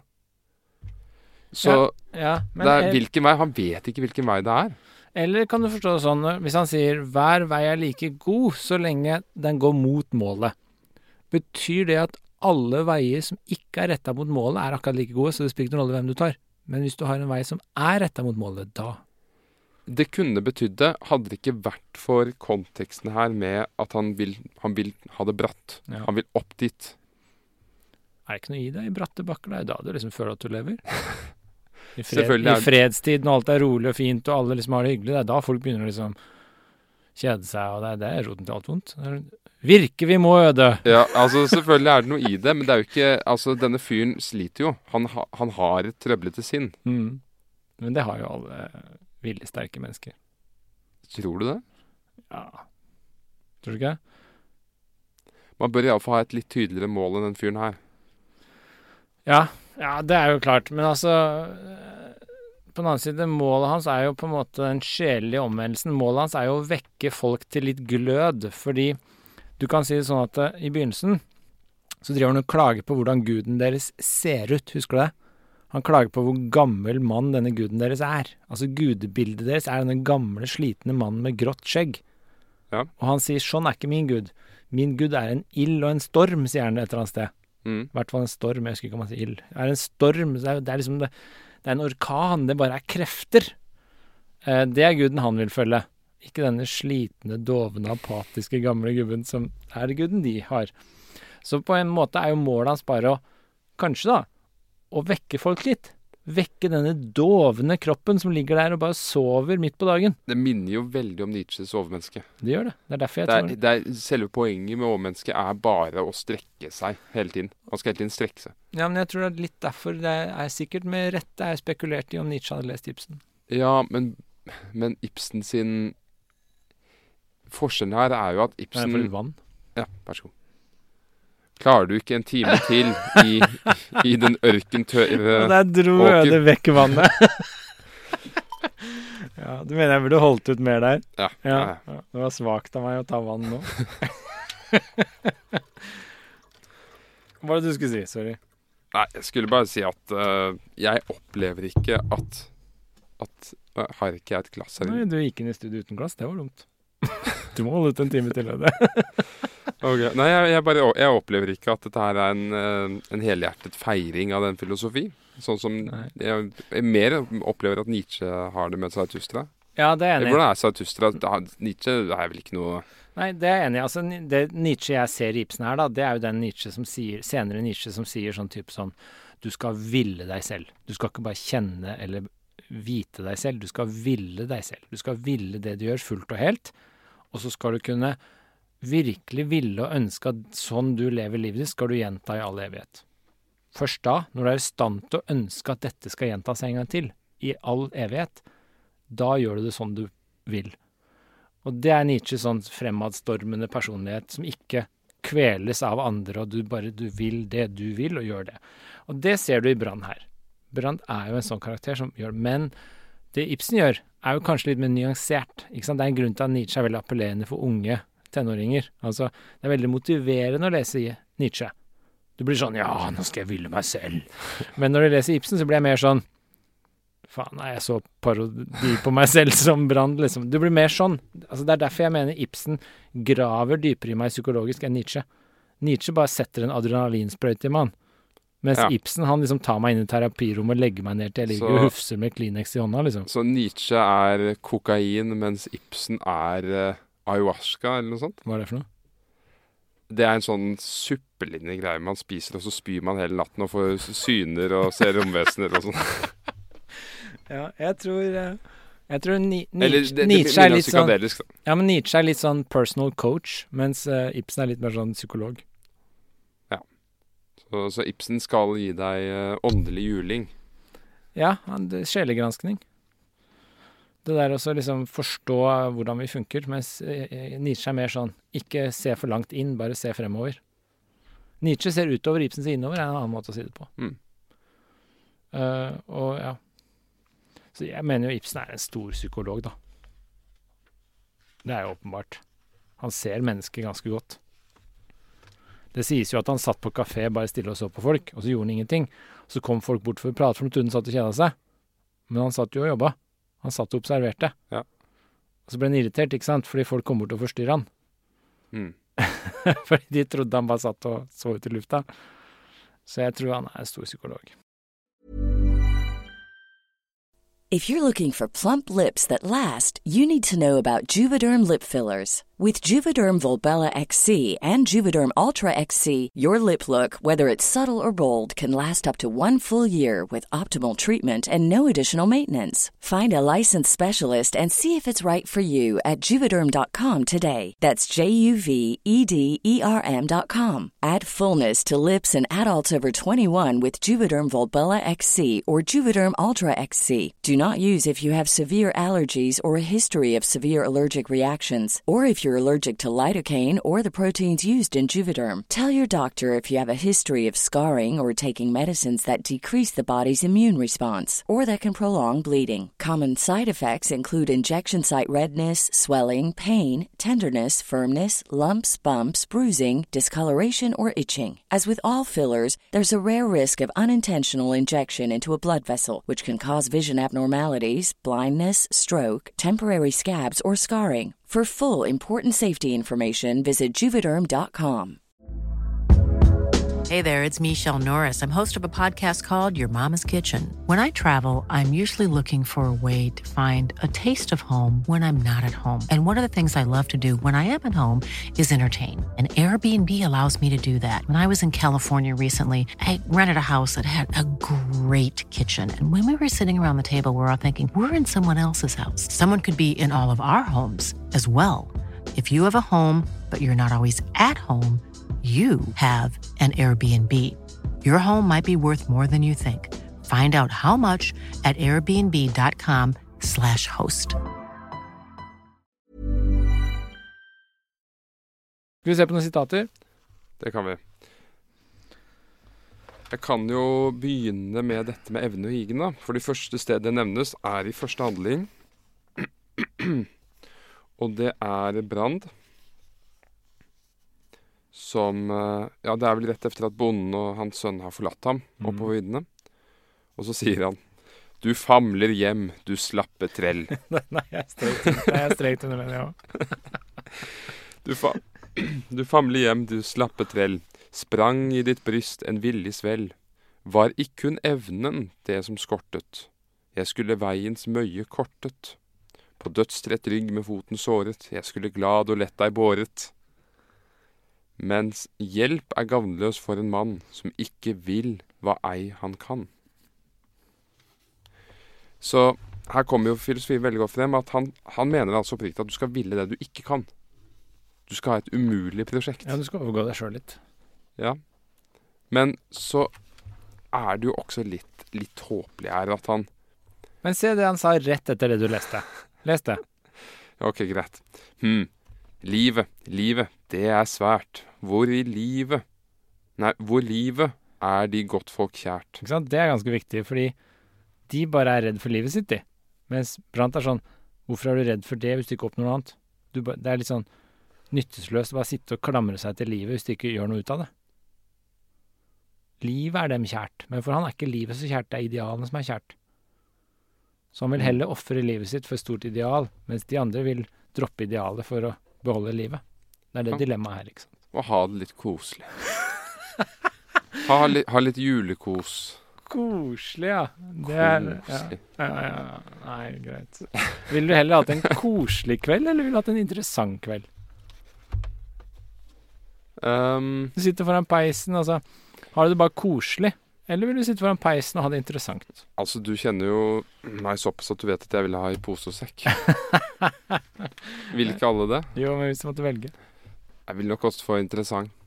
Men, eh, men i, i en i, La oss si i en, i et ekteskap, eksempel, så er det kanskje naturlig at du er en som vil ha det litt koselig, og den andre vil eh, ha det interessant, eller strekke seg litt. Ja, nå ikke jeg, bør ikke jeg si, gi så mange råd om ekteskap, men ja. Nei, ok. Nei, jeg tenkte ikke sånn i praksis, jeg tenkte sånn teoretisk. Ja, Nei, det kan jo være et dilemma at den ene vil kose seg, og den andre vil uh, ha litt mer action. Nei, jeg tenkte at det blir balanse. Den ene gjør det koselig, og den andre gjør det interessant. Så utfyller man hverandre. Ja, det er nettopp det. Det er jo idealet. Men Fordi- det er ikke lov å si det lenger. Er det Alle og det? skal være helt like nå, vet du. Å ja. Alt er likt, og alle er like. Det er ikke noe forskjell. Det er ingen som utfyller hverandre lenger. Alle bare konkurrerer nå. Jeg kan gå videre her, fordi på nesten etterpå så utreder han mer om sin filosofi, Brand. Mm. Jo, av den dunkelt følte splid, imellom tingen som den er, og tingen som den skulle være, imellom det å måtte bære, og finne byrden altfor svær. Mm. Jeg la merke til den, jeg også. Og det han sier rett før, at han eh, Denne visjonen han hadde som barn Ikke sant? Det du leste Rett før du leste det, så står det to tanker falt som gutt meg inn, og voldte lattervrid i maven, og skaffet meg et barket skinn når gamle skolemor var gnaven. jeg tenkte meg en mørkredd ugle, en fisk med vannskrekk. Lytt, jeg lo. Jeg ville dem av sinnet smugle, men de hang i med tann og klo. Hva kom det av, det lattervrid? Det var rett Mm. før du leste. Altså, Ja. Han så denne paradoksale virkeligheten. Men mørkeredd ugle, det er jo hysterisk morsomt, ikke sant? Ugla er jo ute om natta. Mm. Så hvis den er mørkeredd Eller denne fisken på land Altså, Ja, men det er kanskje mennesket, da. ja, det er det jeg tror han sier. Det Han så og så lo han så fælt. Han klarte ikke å stoppe å le, for han syntes det var så tragikomisk. Som buddhistisk latter, da. Ja, men det er litt sånn, og dette er jo Zapfe, for eksempel. Den norske filosofen Peter Wessel Zapfe. Han har jo denne ideen om det tragiske. Det er dette elementet i mennesket. Han mener Ja. det er det tragiske. Dette at vi, vi har evnen til å tenke og ville mye mer enn det vi faktisk kan. Og det er uoppnåelig, og det er ikke realiserbart, og det er et paradoks. Mm. Og da får vi den eksistensielle fortvilelsen. Slik at det er jo på en måte Ibsen sitt Han bare uttrykker her det liksom Zapfe brukte 900 sider på uttrykket. Da la meg spørre deg, om fordi det tragiske av den boken. dette her er jo et velkjent problem med mennesket, som du beskriver. Mm. Dette med at man har så store forestillinger om hvordan ting burde vært eller kan være, og det, det verden strekker ikke til. Og Mm. det er mennesker. Mm. Mange mennesker, mange psykologer, snakker jo om at hvis man sliter med slike forestillinger, så skal man drive og fortelle seg selv over hva man er takknemlig for. Å, herregud. Ja, du er også imot den? Jeg hater den filosofien. For jeg har, alltid, jeg har alltid tenkt at takknemlighet, det skal være et resultat, eller det skal komme av riktig fremferd i livet. Du skal ikke tvinge det frem. Nei. Du skal ikke sitte foran speilet 'Vær takknemlig, Øde! Vær takknemlig!' Ja, nei, jeg tror vi er helt enige der. Altså, takknemlighet, er ikke det litt sånn Det er hyggelig at noen er takknemlige, men hvis de bare går rundt og er takknemlige, det er, noe, det er stusslig. Jeg husker Jordan Peterson snakket, har snakket en del om det. Den store Eh, filosofen. og, det var, og det var kanskje da jeg mistet litt sansen for ham. Eller det var, jeg har mistet sansen for ham ved flere anledninger, men det var kanskje den største. Mm. Fordi da han i et intervju Da han hadde hatt det veldig vondt, da. Mm. Og så sitter han og gråter og sier 'men jeg er takknemlig', jeg er takknemlig. Ja. Han, hold, han holder den talen, og det er så viktig å fortelle seg selv hva som er bra hver kveld. Og så ser jeg at han lider. Mm. Og den løgnen der, den selvløgnen, jeg opplever den bare som grotesk. Ja, ja jeg syns det der også, Takknemlighet er litt sånn der resignering, spør du meg. Det å så gå rundt og være, bare liksom minne meg sjøl på alt jeg er takknemlig for, det er greit nok det, men Jeg syns ikke det er greit. det er liksom Ja, men, ja, ja, men altså, det er, det er litt sånn å resignere. Jeg vil heller liksom snakke I stedet for å sitte og snakke om alt jeg er takknemlig for, så vil jeg heller snakke om alt vi burde gjøre. Alt jeg har lyst til å gjøre. Virke vi må øde.» det. Ja. Nei, men Takke vi må. Hvis Ibsen hadde det. som slagord. Takke vi må øde. det. Hadde jo ikke vært det samme. takknemlig vi må være. Ja, det er jo helt dølt. Altså, virke vi må. Det er det vi må. Ja. Så da må vi bare gå videre med sitatet. Vi må virke øde. Ja. Nei, eh, jeg syns jo det er interessant eh, Agnes eh, sin entré her. Mm. Fordi først så ser vi at hun leker med en mann ute Mm. på sletten. Da er det plutselig blitt veldig frodig og sol og sånn. Det er veldig eventyrlig stykke dette her. Det går fra veldig hardt regn og storm til veldig mye Mm. sol og sånn. Kjappe værskifte her. Ja så, så leker hun med denne Einar. Mm, det likte Og det er, fullst, det er fint, men det er fullstendig overfladisk, ikke sant? Mm. Det er sånn Agnes, min deilige sommerfugl, deg vil jeg lekende fange. Jeg fletter et garn med masker små, og maskene er mine sanger. Ja. Og jeg skjønner jo veldig godt at hun faller for brant og vil forlate henne etterpå, for dette er helt overfladisk kjærlighet. Er det ikke det? Jo, her er alt eh, jordelig på plass, liksom. Men det er ikke noe substans. Det er ikke noe åndelig over det. De danser rundt, og de leker. Og så merk hva Agnes sier. Når hun sier 'danser baklengs foran og smutter stetser fra ham', så sier hun 'Er jeg en sommerfugl liten og skjær, så la meg av lyngtoppen drikke'. Og er du en gutt som lystrer en lek, så jag meg, men fang meg ikke. Ja, Så hun beskriver det der. Det er en lek. Så hun er jo på en måte den substansielle her med en gang. Mm. Og han Einar er jo bare en tufs. Jeg hater å si det på vegne av min navnebror, men han er jo litt tufs her. Men han trår frem som ganske mer kul når han har eh, opplevd Jobbs dilemma på Mm. slutten. Når han kommer tilbake i femte siste akt. For han er i første, og så kommer han tilbake i siste. Da har han vært gjennom en forandring. Han har mista alt, nemlig annet Agnes, som han nesten ikke bryr seg om lenger. Jo, den er morsom. Han har mista alt. Det er, han, det er uvesentlig, sier han. Ja, og da har han blitt misjonær. Han skal til Afrika, faktisk, og misjonere. Det er planen hans. Eh, Så Men jeg liker jo det at dette er kvinneskikkelsen i Ibsen, og hun sier 'Er du en gutt som lyster en lek, så jag meg, men fang meg ikke'. Eh, og det er liksom Hun vil ha det spillet, men hun vil ikke bli fanget. Det det- syns jeg er veldig sånn Er det det disse, disse Er det det de- nye generasjonene kaller a red flag i forhold og sånn? Ja, altså i dag, i dag så, i, Den gang så var det sånn Jag meg, men fang meg ikke. Det var liksom riktig. Men i dag er det sånn Ikke jag meg, ikke fang meg. Det er en ganske døll lek. Ja. du skal ikke jage, du skal ikke fange. Det betyr at du egentlig ikke skal leke sammen. Ja, jeg, jeg opplever at folk fortsatt er lekne. Jeg syns ikke det har forsvunnet. Kanskje vi bare er i Jeg tror jeg er stor Kanskje jeg bare er i feil miljø? Ja, det må være feil miljø. Eller kanskje du leser ny... Har du begynt å lese nyheter? Nei, lite. Litt sånn Nei, lite. Det er lite, jeg må innrømme det. Men eh, Ja, nei, det er interessant. Men jeg tror det er litt sånn Det er jo ikke, det er ikke et tegn i tiden å si 'jag meg, men fang meg ikke'. Er ikke det litt sånn som er ut? Kanskje jeg bare har misforstått. Mm, da tror jeg du har misforstått litt. Kanskje det er ut i visse kretser, mens massene fortsatt jager og leker. Det kan være. Jeg har jo tro på at majoriteten fortsatt ikke er med det som ropes høyest om. Majoriteten henger mye mer etter. Stille majoritet, som ikke sier så mye, Ja, nei, den er den samme som for 30 år siden. Det har jeg veldig troen på. Og de store revolusjonene, bolsjevistrevolusjonen, det var eh, noen hundre mennesker, kanskje noen tusen mennesker, Mm. i et land med millioner. Så det er veldig viktig å huske på det. Så det er liksom to-tre sånne brannfigurer som ødelegger. Majoriteten egentlig er et helt annet sted. så lar det seg rive med litt av og til. Ja, det er jo det. Uh, så det er, det er et, det er et problem at majoriteten er stille. Det er jo det. Mm. Det som er farlig, er hvis den er stille, og så ingen hører på det, ingen bryr seg om det, og så kommer det en gærning og plukker det opp. Mm. Og egger dem til strid. Ja. Virker vi må, oss gjerne. Men så møter Einar Brandt. Og så blir det jo klart her at Einar og Brandt har gått på skole sammen før. Mm. De drar kjensel på hverandre. Og så sier Einar Vel møtt, vel møtt av hjertens grunn. Se på meg. Ja, du er den gamle, som alltid deg selv var nok. Hvem leken aldri kunne samle i kameratens viltre flokk. Ja, den kjente jeg meg også igjen i. Kjente du igjen i den? Når du gikk på skolen. Tenk Jo, tilbake. jeg gjør, gjør, Barneskolen og ungdomsskolen. gjør for så vidt det. det. Samlet leken deg i flokk. Kanskje litt i begynnelsen. Barneskolen? Ja, kanskje litt på barneskolen. Men det forsvant veldig fort på ungdomsskolen. Ja. Da var det over. Egentlig. Jeg er enig, det er egentlig helt det samme. Begynnelsen av barneskolen var greit.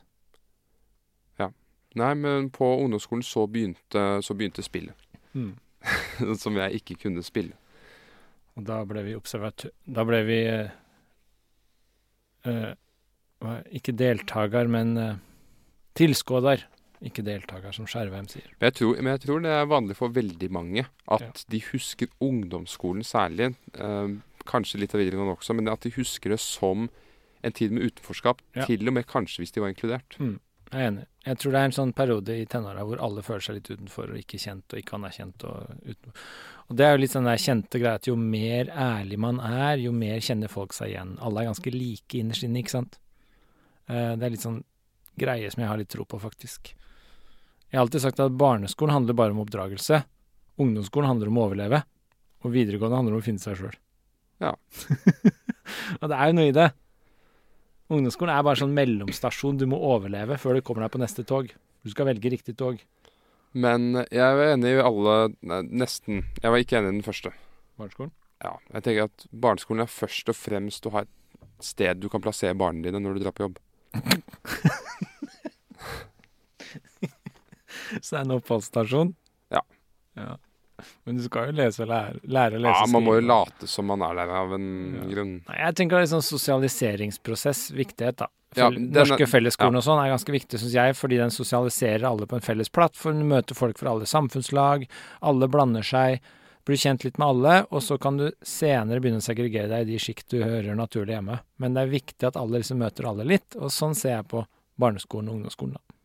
Det er Mm. litt den der felles plattformen hvor vi skal oppdras til å være borgere sammen. Ja, altså det er en konsentrasjonsleir, Ja. barneskolen. Er Hvor man skal lære å sosialisere. Men jeg tror at mesteparten av kunnskapene våre, det, det, det kommer senere. ja, det sitter altså- kanskje litt igjen, men det er ikke stort. Nei, det er veldig sånn generiske ting, da. Som les, lese og lære, lære å lese og skrive og sånn. Jo, men man, man kan lære det så utrolig mye fortere senere. Jo, jo, det er greit. Men jeg tror Lars Hertevig han lærte seg å lese da han var Jeg husker ikke hvor gammel han var. Det var enten 15 eller 25. Jeg husker et femtall. Det var iallfall godt forbi mm. barneskolen. Det gikk veldig fint. Ja, jeg tror det er mange sånne tilfeller hvor man sitter på skolen og bruker lang tid på noe, og så går det litt sånn automatisk sakte, men sikkert inn. Men hvis du får interesse for noe og setter deg ned sjøl, så går det mye fortere. Ja. Det handler om liksom om du vil eller ikke. Men du får ganske mye sånn intravenøst da, på barneskolen. Og så kan du sette deg ned og aktivt finne ut av det kjappere. Det er, kanskje, det er kanskje det som er litt min, min Mitt problem med Brand. Fordi det vi er inne på nå, er jo plikt og kjærlighet som motsetninger. Jeg vet Mm. at kristendommen er veldig opptatt av å sidestille de to, men jeg har alltid tenkt på plikt som det motsatte av kjærlighet. At plikt, det er det du må gjøre. Kjærligheten, det må du ikke gjøre, du bare gjør det. Det er nesten som at hvis du gjør noe du liker, så går timene. Og det, det føles ikke som du bruker krefter. Ikke sant? Mm. Men det er jo kjedelig lenge å bare kjærlighet. Du burde streve med noe også. Mm. Men det er likevel en forskjell der. Og problemet jeg har med Brann, er at han følger bare plikten. Nå har han riktignok funnet på plikten selv. Det er ikke noen som har fortalt ham det skal du tro på, men han Nei. har egne plikter, og jeg opplever at det, er ikke noe kjærlighet igjen i ham. Ja, det er interessant, fordi jeg tror du Jeg tror vi tolker Brann veldig forskjellig, og dette er jo veldig interessant. Fordi du opplever ham som bare sånn idealistisk pliktrytter. Mm. Mens jeg opplever jo fyren som veldig sånn drevet av kjærlighet til et prosjekt. det er derfor den slutter med at det er guddommelig kjærlighet. Det er det han er. Altså, du kan, når du har et kall, ikke sant, når du virkelig vil noe Det kan være i små ting og i store livsprosjekter, men også i små enkeltprosjekter.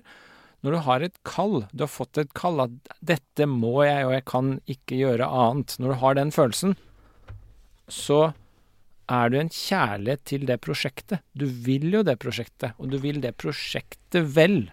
Du vil at det skal gå bra med det prosjektet. Det er derfor du ofrer folk rundt deg.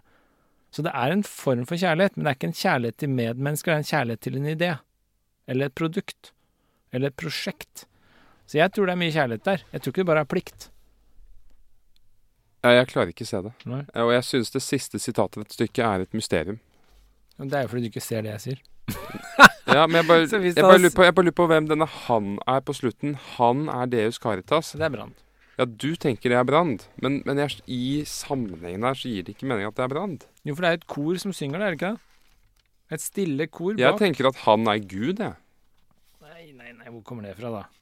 Det kommer fra min egen manglende evne på resonnere. Brand, hun skyter, hun gærne skyter oppi etter noen fugler, og så kommer snøraset. Så sier Brann, eller Brann, krymper seg under det styrtende skred, og sier oppad mot himmelen, ikke sant? Svar meg, Gud, i dødens sluk, gjelder ei et frelsens fnugg, manneviljens kvantum satis, som betyr liksom manneviljens størrelse, eller mengde, riktig forhold. Fins det ikke et fnugg av liksom manneviljens rikt... Nok mange, mange, ja, når er det p- passe bra, liksom? Nok. Skredet begraver ham, hele dalen fylles, en røst roper gjennom tordenbrakene. Han er Deus caritatis. Det er jo Brand dere Ja, hvem er han? Det er Brand. En røst som roper. Han er Han er jo denne guddommelige kjærligheten. Det er det. Den guddommelige kjærligheten er dette kallet. Har ikke du stått. Har ikke du stått foran et maleri, et lerret, malt på et bilde og følt en slags kjærlighet til det bildet? At Jo, du må få dette bildet ferdig, og så kommer søstera di bort, og du bare Nei, nei, slutt, gå vekk, jeg må få dette bildet ferdig. Du har jo følt det. ja, jeg har det. Uh, Det er Men- Brand. I men, jeg, jeg, Det er din lille Brand. men jeg opplever ikke at det er så mye kjærlighet fra Branns side. Jeg opplever bare masse slit og plikt og Projiserer du deg selv inn i Brann nå? Ja. Jo, men selvfølgelig gjør jeg det. Jeg, jeg kjenner igjen veldig mye av Brann. Eh, dette her med at alt skal være helt perfekt og helt efter idealene. Mm. Altså, det, det slo meg da i morges, fordi jeg reiste med min bror og um, en, en venn av meg og min bror, Jan Ove Tuv. Eh, og, også, så, jeg vet ikke hvordan vi kom inn på det, men jeg, jeg nevnte at uh, jeg har aldri vært med i noen reklame for noen produkter. Jeg har aldri stått på, Mm. ikke, på fjernsyn eller Instagram eller noe sånt, kjøp denne sjampoen eller noe sånt. Mm. Og, og, og Aldri sånn 'kjøp dette, denne Nei. hårfargen, da får du fint rødt hår'. Du Ja. har ikke, vært, du har ikke stått for sånne Nei, ting. nei, jeg burde gjort Ja. uh, men, men da sa jeg da Jeg bare Jeg sa at hvorfor har jeg ikke det? Jo, fordi noe hadde dødd inni meg hvis jeg hadde gjort det. Ja. Sa jeg. Mm. Og jeg tenkte på det etterpå. Å, herregud. Det er noe Brann kunne sagt. Mm. Det er jo Fordi, den fordi, fordi jeg, det blir, jeg skal leve opp til et ideal. Jeg skal ikke gjøre slikt. Mm. Men, men det er ufattelig arrogant og det er jo sånn, men, men, altså, det, er, altså det, høres, det, det høres så veldig flott. Det høres ut som jeg strekker meg mot ide idealer og sånt. Men er det ikke egentlig bare stolthet? Jo, det kan godt være bare en livsløgn òg. Det er det Brann sliter med. Ja. Det er jo det som er dilemmaet her, ikke sant. Vi har den derre det kallet, og det er jo det som skjer når du føler at du dør inni deg. Det er jo når det du bare må gjøre, det får du ikke gjort. Da dør du inni deg. Så hvis du har noe du bare må gjøre, jeg bare må få ferdig dette maleriet, og så får du ikke gjort det, da Ja. dør du inni deg. Ja, det gjør det. Eh, eller du er på en jobb, eller du er i et vennskap eller et ekteskap, og så bare skjer det ikke det du vil. Du, bare, du blir viska ut. Da er det du dør inne. Og det er det du føler hvis du står og reklamerer for sjampo. Det var ikke dette Øde måtte gjøre. Hvordan har du endt opp her? Kjøp denne sjampoen, du får flott, stort, rødt hår. Ikke sant? Det, Da hadde du dødd inne. Jeg skjønner det veldig godt, jeg. Dette er bare Ja, en reell erkjennelse fra din side. Jeg skjønner ikke hva som er galt med det. Hvorfor syns du det er arrogant? Det er jo bare sånn du er. Nei, eller arrogant Ok, jeg, jeg trekker tilbake arrogant, for det er veldig flott å være arrogant. Jeg liker arrogant. Men det, men det er Det er jo bare stolthet. Ja. Det er bare fordi jeg har sånne Jeg har sånne ideer om hvem jeg burde være. Mm. Og jeg tenker at i buddhismen så blir det sett veldig ned på. Ja, Buddhismen er en døll retning. Altså Det er sånn derre Du skal viske ut deg selv. Det er jo helt meningsløst. Altså Buddhismen er det dummeste jeg veit. Ok, Det kom kanskje litt hardt ut, men du skjønner poenget. jeg, skjønner, jeg, jeg, skjønner. Det å oppnå nirvana, eksempel, hvor du bare opphører å være et selv, altså det er jo helt meningsløst. Jeg vil jo styrke mitt selv, jeg skal ikke opphøre å være selv. Det er jo som å dø inni seg, da. Virkelig. Men det er jo store problemer med selve. Selve er det beste som fins, og det verste. Dette her er eh, veldig konfronterende, fordi eh, Fordi jeg, jeg, har kjent Jeg har forsøkt begge filosofier. Mm. Yeah. Uh, sånn grensesprengende egoisme. Mm. Og, og den, det følger med veldig mye tvil når man har prøver den. Bare sånn Mm. Bare sånn at folk ikke misforstår. Det betyr jo ikke nødvendigvis at du hele tiden tror på deg selv, men det betyr at du hele tiden fokuserer på deg selv. Ja. Og denne andre, som er å opphøye seg selv til noe mer enn egoet. Mm. Og jeg har hørt så mange gode argumenter for sistnevnte.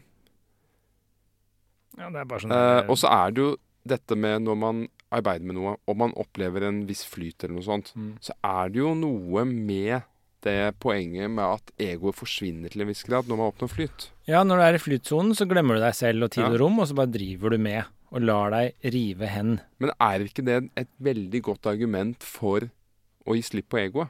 Og bare lar seg bli ett med et håndverk?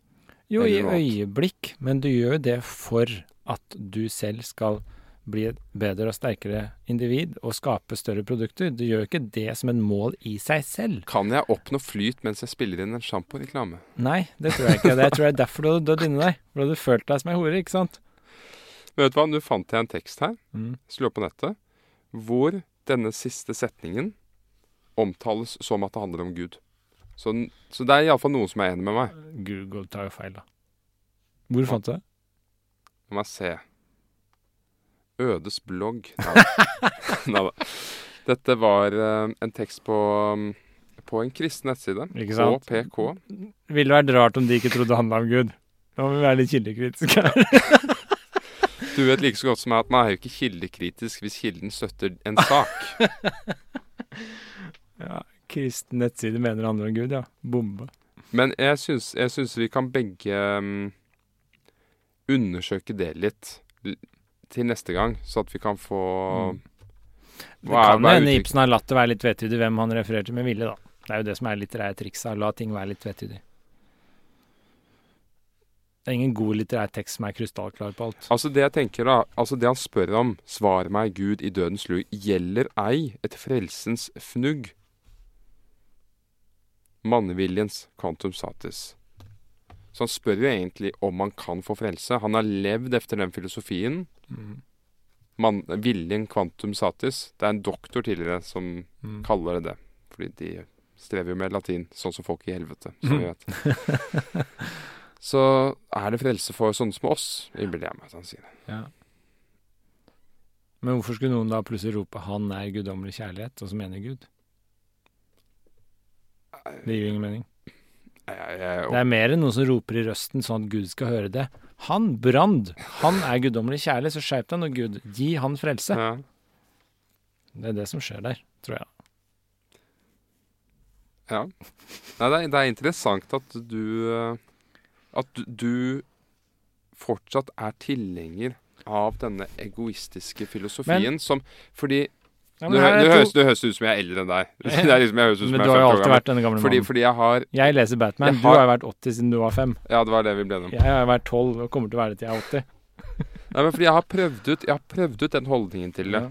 Dette med, dette med å være et ego og Ja. dyrke det og sånn. Og så har jeg lagt det litt til side fordi det er så hardt. Ja, men du skisserte Du skisserte to punkter her. Du sa liksom egoismen eller denne buddhismen. Ja. Det fins jo et hav av mellomposisjoner her, Et verdenshav. ikke sant? Eh, så jeg tror det som er greia, at for det første må du skille mellom to former for egoisme her. Jeg tror den egoismen du skisserte, tror jeg bare er en teit teori. Altså, Jeg tror ikke du finner noe mening i livet. Jeg tror ikke du finner noe godt ut av livet ditt hvis du er egoist på den måten. At du tenker først og fremst på deg selv. Den type egoisme er veldig barnslig. Da tenker man alt jeg gjør skal handle om at jeg skal få det bra. Den syns jeg er en veldig barnslig teori. Det er en annen form for egoisme som ofte misforstås med den, og det er når du for eksempel, og det er det jeg tror Brand er, han er den type egoist. Han er veldig opptatt av et prosjekt, og så ofrer han alt for det. Og Da er det mange som sier han er bare opptatt av sitt. Men det er ikke egoisme, fordi han tenker ikke på seg. Han ofrer jo seg, han, Ja, ja, han ofrer seg for, prosjektet. for Så plikt. han tenker ikke på seg og sitt, han tenker på prosjektet, han. Og det er en annen form for egoisme, for den er egoistisk i form av at han ofrer kone og barn. Men den er ikke egoistisk i form av at han forbedrer seg, tenker på seg selv. Så den, Jeg, jeg er enig det, men det det er er, det er annen type mer den egoisme, og den liker jeg mye bedre enn den første. Jeg er enig, men det er mer denne plikten jeg reagerer på, fordi jeg må Altså, det er enten plikt du har mottatt fra andre, eller som du har gitt deg selv. Og vi har jo sett at disse skikkelsene Ibsen beskriver, det er alltid de som har satt, selv gitt seg selv en Mm. oppgave. Det er, det er Catelina, og det er Brann. Det er først da du kan være helt Jeg må, og jeg må utføre det jeg har sett for meg, som er det jeg må utføre. Mens et, et annet alternativ er jeg vil.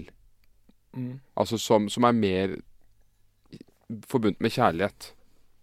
Og ikke denne plikten. Skjønner så du tenker på Brant at han har satt seg et mål, og så bare må han av en eller annen skakk grunn følge det målet, mens du vil heller ha en type Brant som er sånn at han virkelig vil noe, og derfor gjør det. Ja. Altså jeg, jeg tenker jo ikke at man skal bare gjøre ting man vil hele tiden. Da går det jo veldig galt. Mm. Da får man jo syfilis og litt av hvert. Men, men, men jeg tenker at Brann kanskje mangler litt av det. fortsatt? Syfilis? Er ikke det sånn som Det var visstnok en oppblomstring under pandemitiden. Å ja. Er ikke det sånn gammel Så folk sykdom? overholdt ikke Mm. reglene. Ja. Det er en sånn genisykdom. Nietzsche døde visstnok av det, da. Mm. Men uh, han var på et horehus i Frankrike og fikk syfilis. Det er én teori. Det er en kjønnssykdom, ikke sant? Så de skylder på Frankrike. som Det var ikke et horehus i Tyskland? Nei, det var Frankrike. Ok.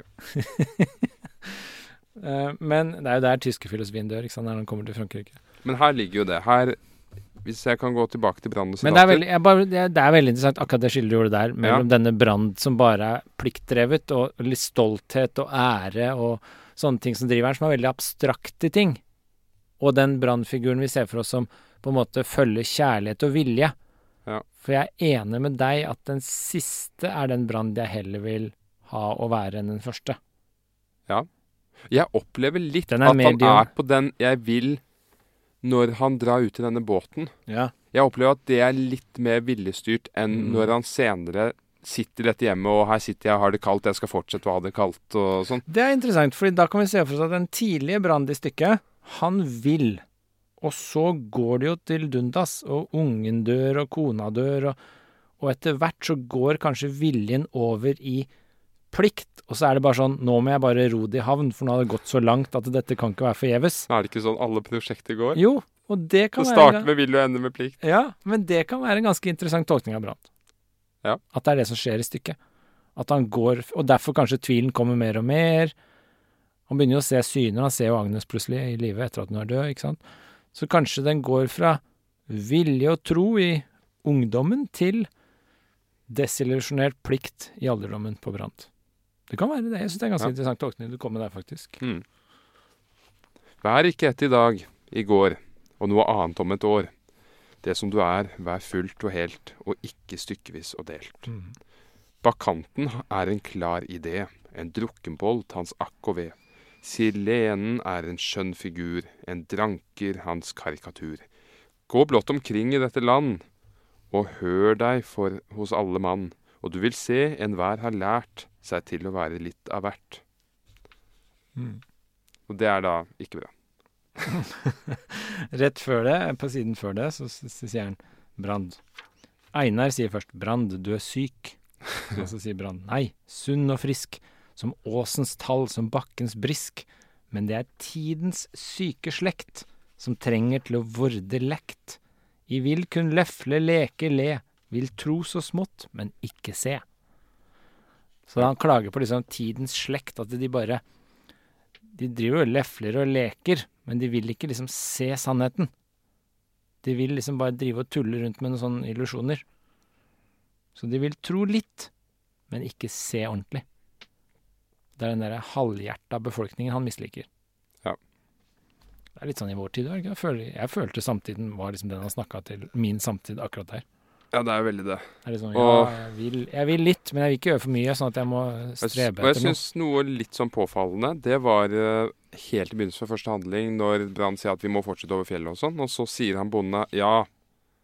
Eller Brann sier eh, Altså Brann insisterer på at det er mulig og sånn. Og så sier bonden ja, før i tiden, men i vår han går til bunns med hud og hår. Så det er denne forestillingen om at nei, det er noe som ikke er mulig nå. Det ser vi jo mye av i samfunnet vårt. Mm. Eksempel når folk- spør efter vakrere arkitektur eller sånt. Nei, det er ikke mulig i vår tid. Ja. Og det er absurd. Selvfølgelig er det mulig. Ja, ja. Der vil du, din lille brand komme frem. Ja, da, da kommer Brann frem hos meg. Du driver og bygger vakker arkitektur hjemme, gjør du ikke? Jo, Jeg, Ikke sant? eller altså, jeg er ikke byggmester, men jeg har vært med på å tegne huset. Så du er Stavern. Du driver og bygger faktisk et hus, du. Ja, men jeg, Og går all in og ofrer alle rundt deg. jo, men det er, veldig, det er veldig likt. Det er veldig likt. Jeg har faktisk ofret relasjoner for det, det prosjektet. Så det er derfor du er kritisk til Brann, fordi du erkjenner det så godt. Ja, jeg har ofret både venner og elsker, elskerinner. Det var nesten en liten sånn Freudian glipp der, med elskere. Ja, ja, ja. Um, jeg tenkte jeg ikke skulle ta det opp, men ja. Ja, jeg tok det opp før du Ja, gjorde det. ja, jeg merka det. Ja. Men eh, ja, så det, du har en liten brann eh, gående i deg hjemme, du. Jeg har det. Vi får se åssen det går til slutt, da. Ja, men én ting. Jeg skal ikke gjøre som Brand og fornekte det når det står oppe. Mm.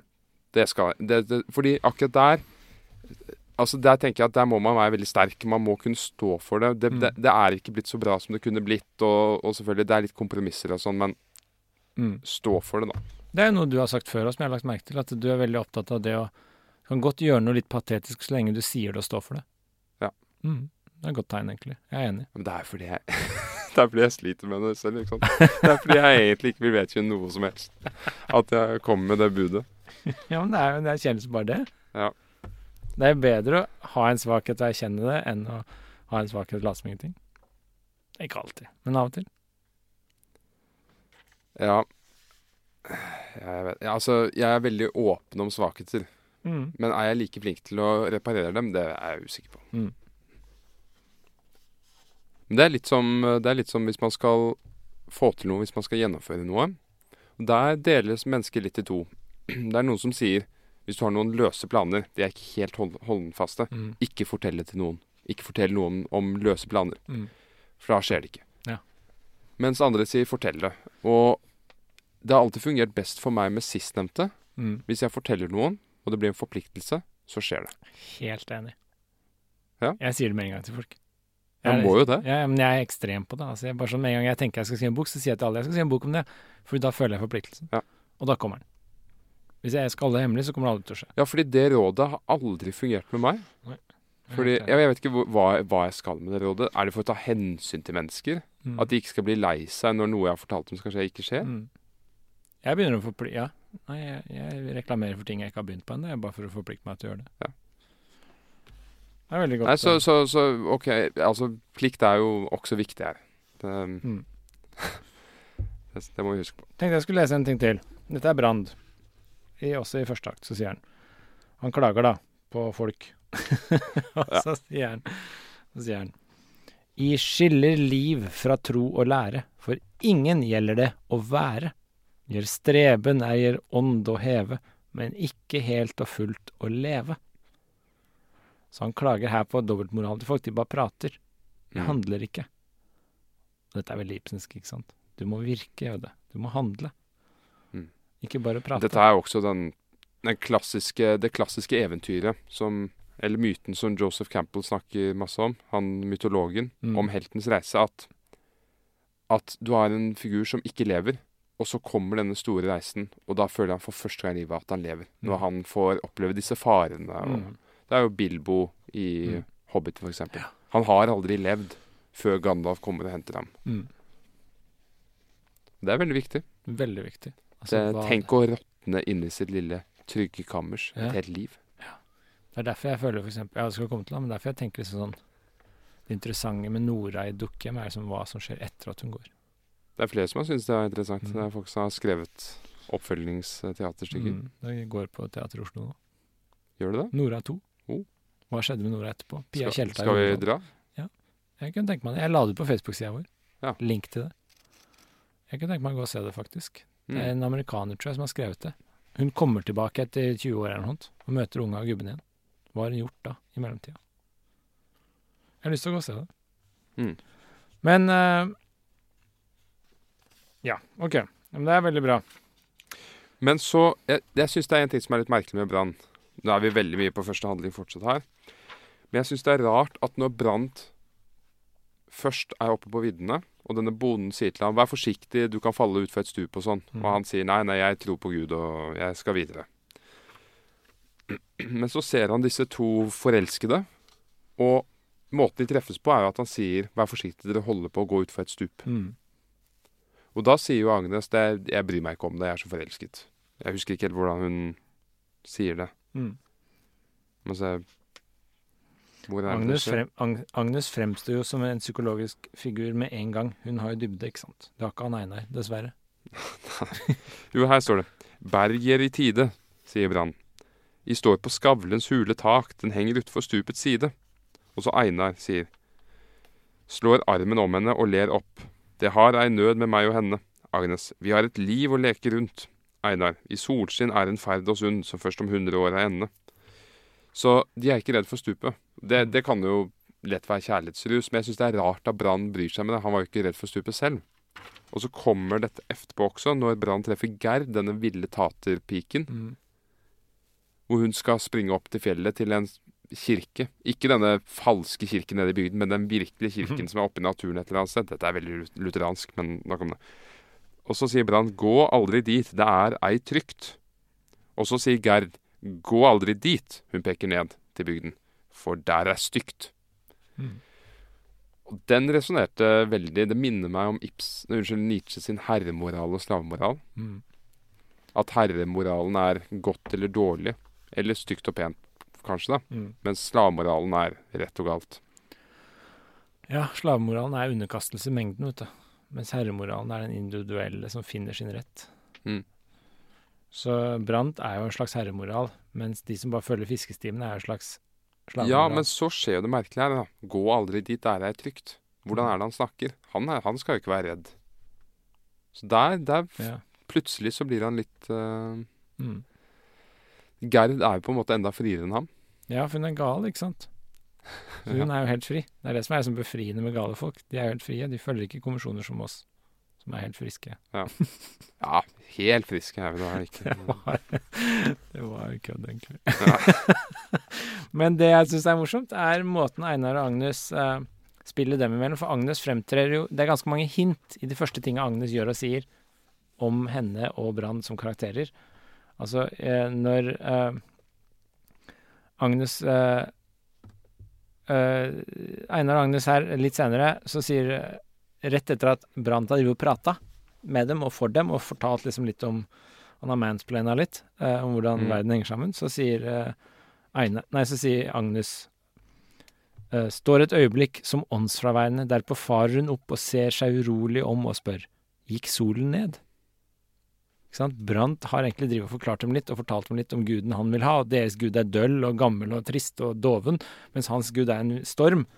Så sier hun Gikk stolen ned? Altså, hun erkjente noe. Mayasløret falt. Ja, hun erkjente noe, og så sier Einar Nei, kun en sky. han hang ikke med i det hele tatt.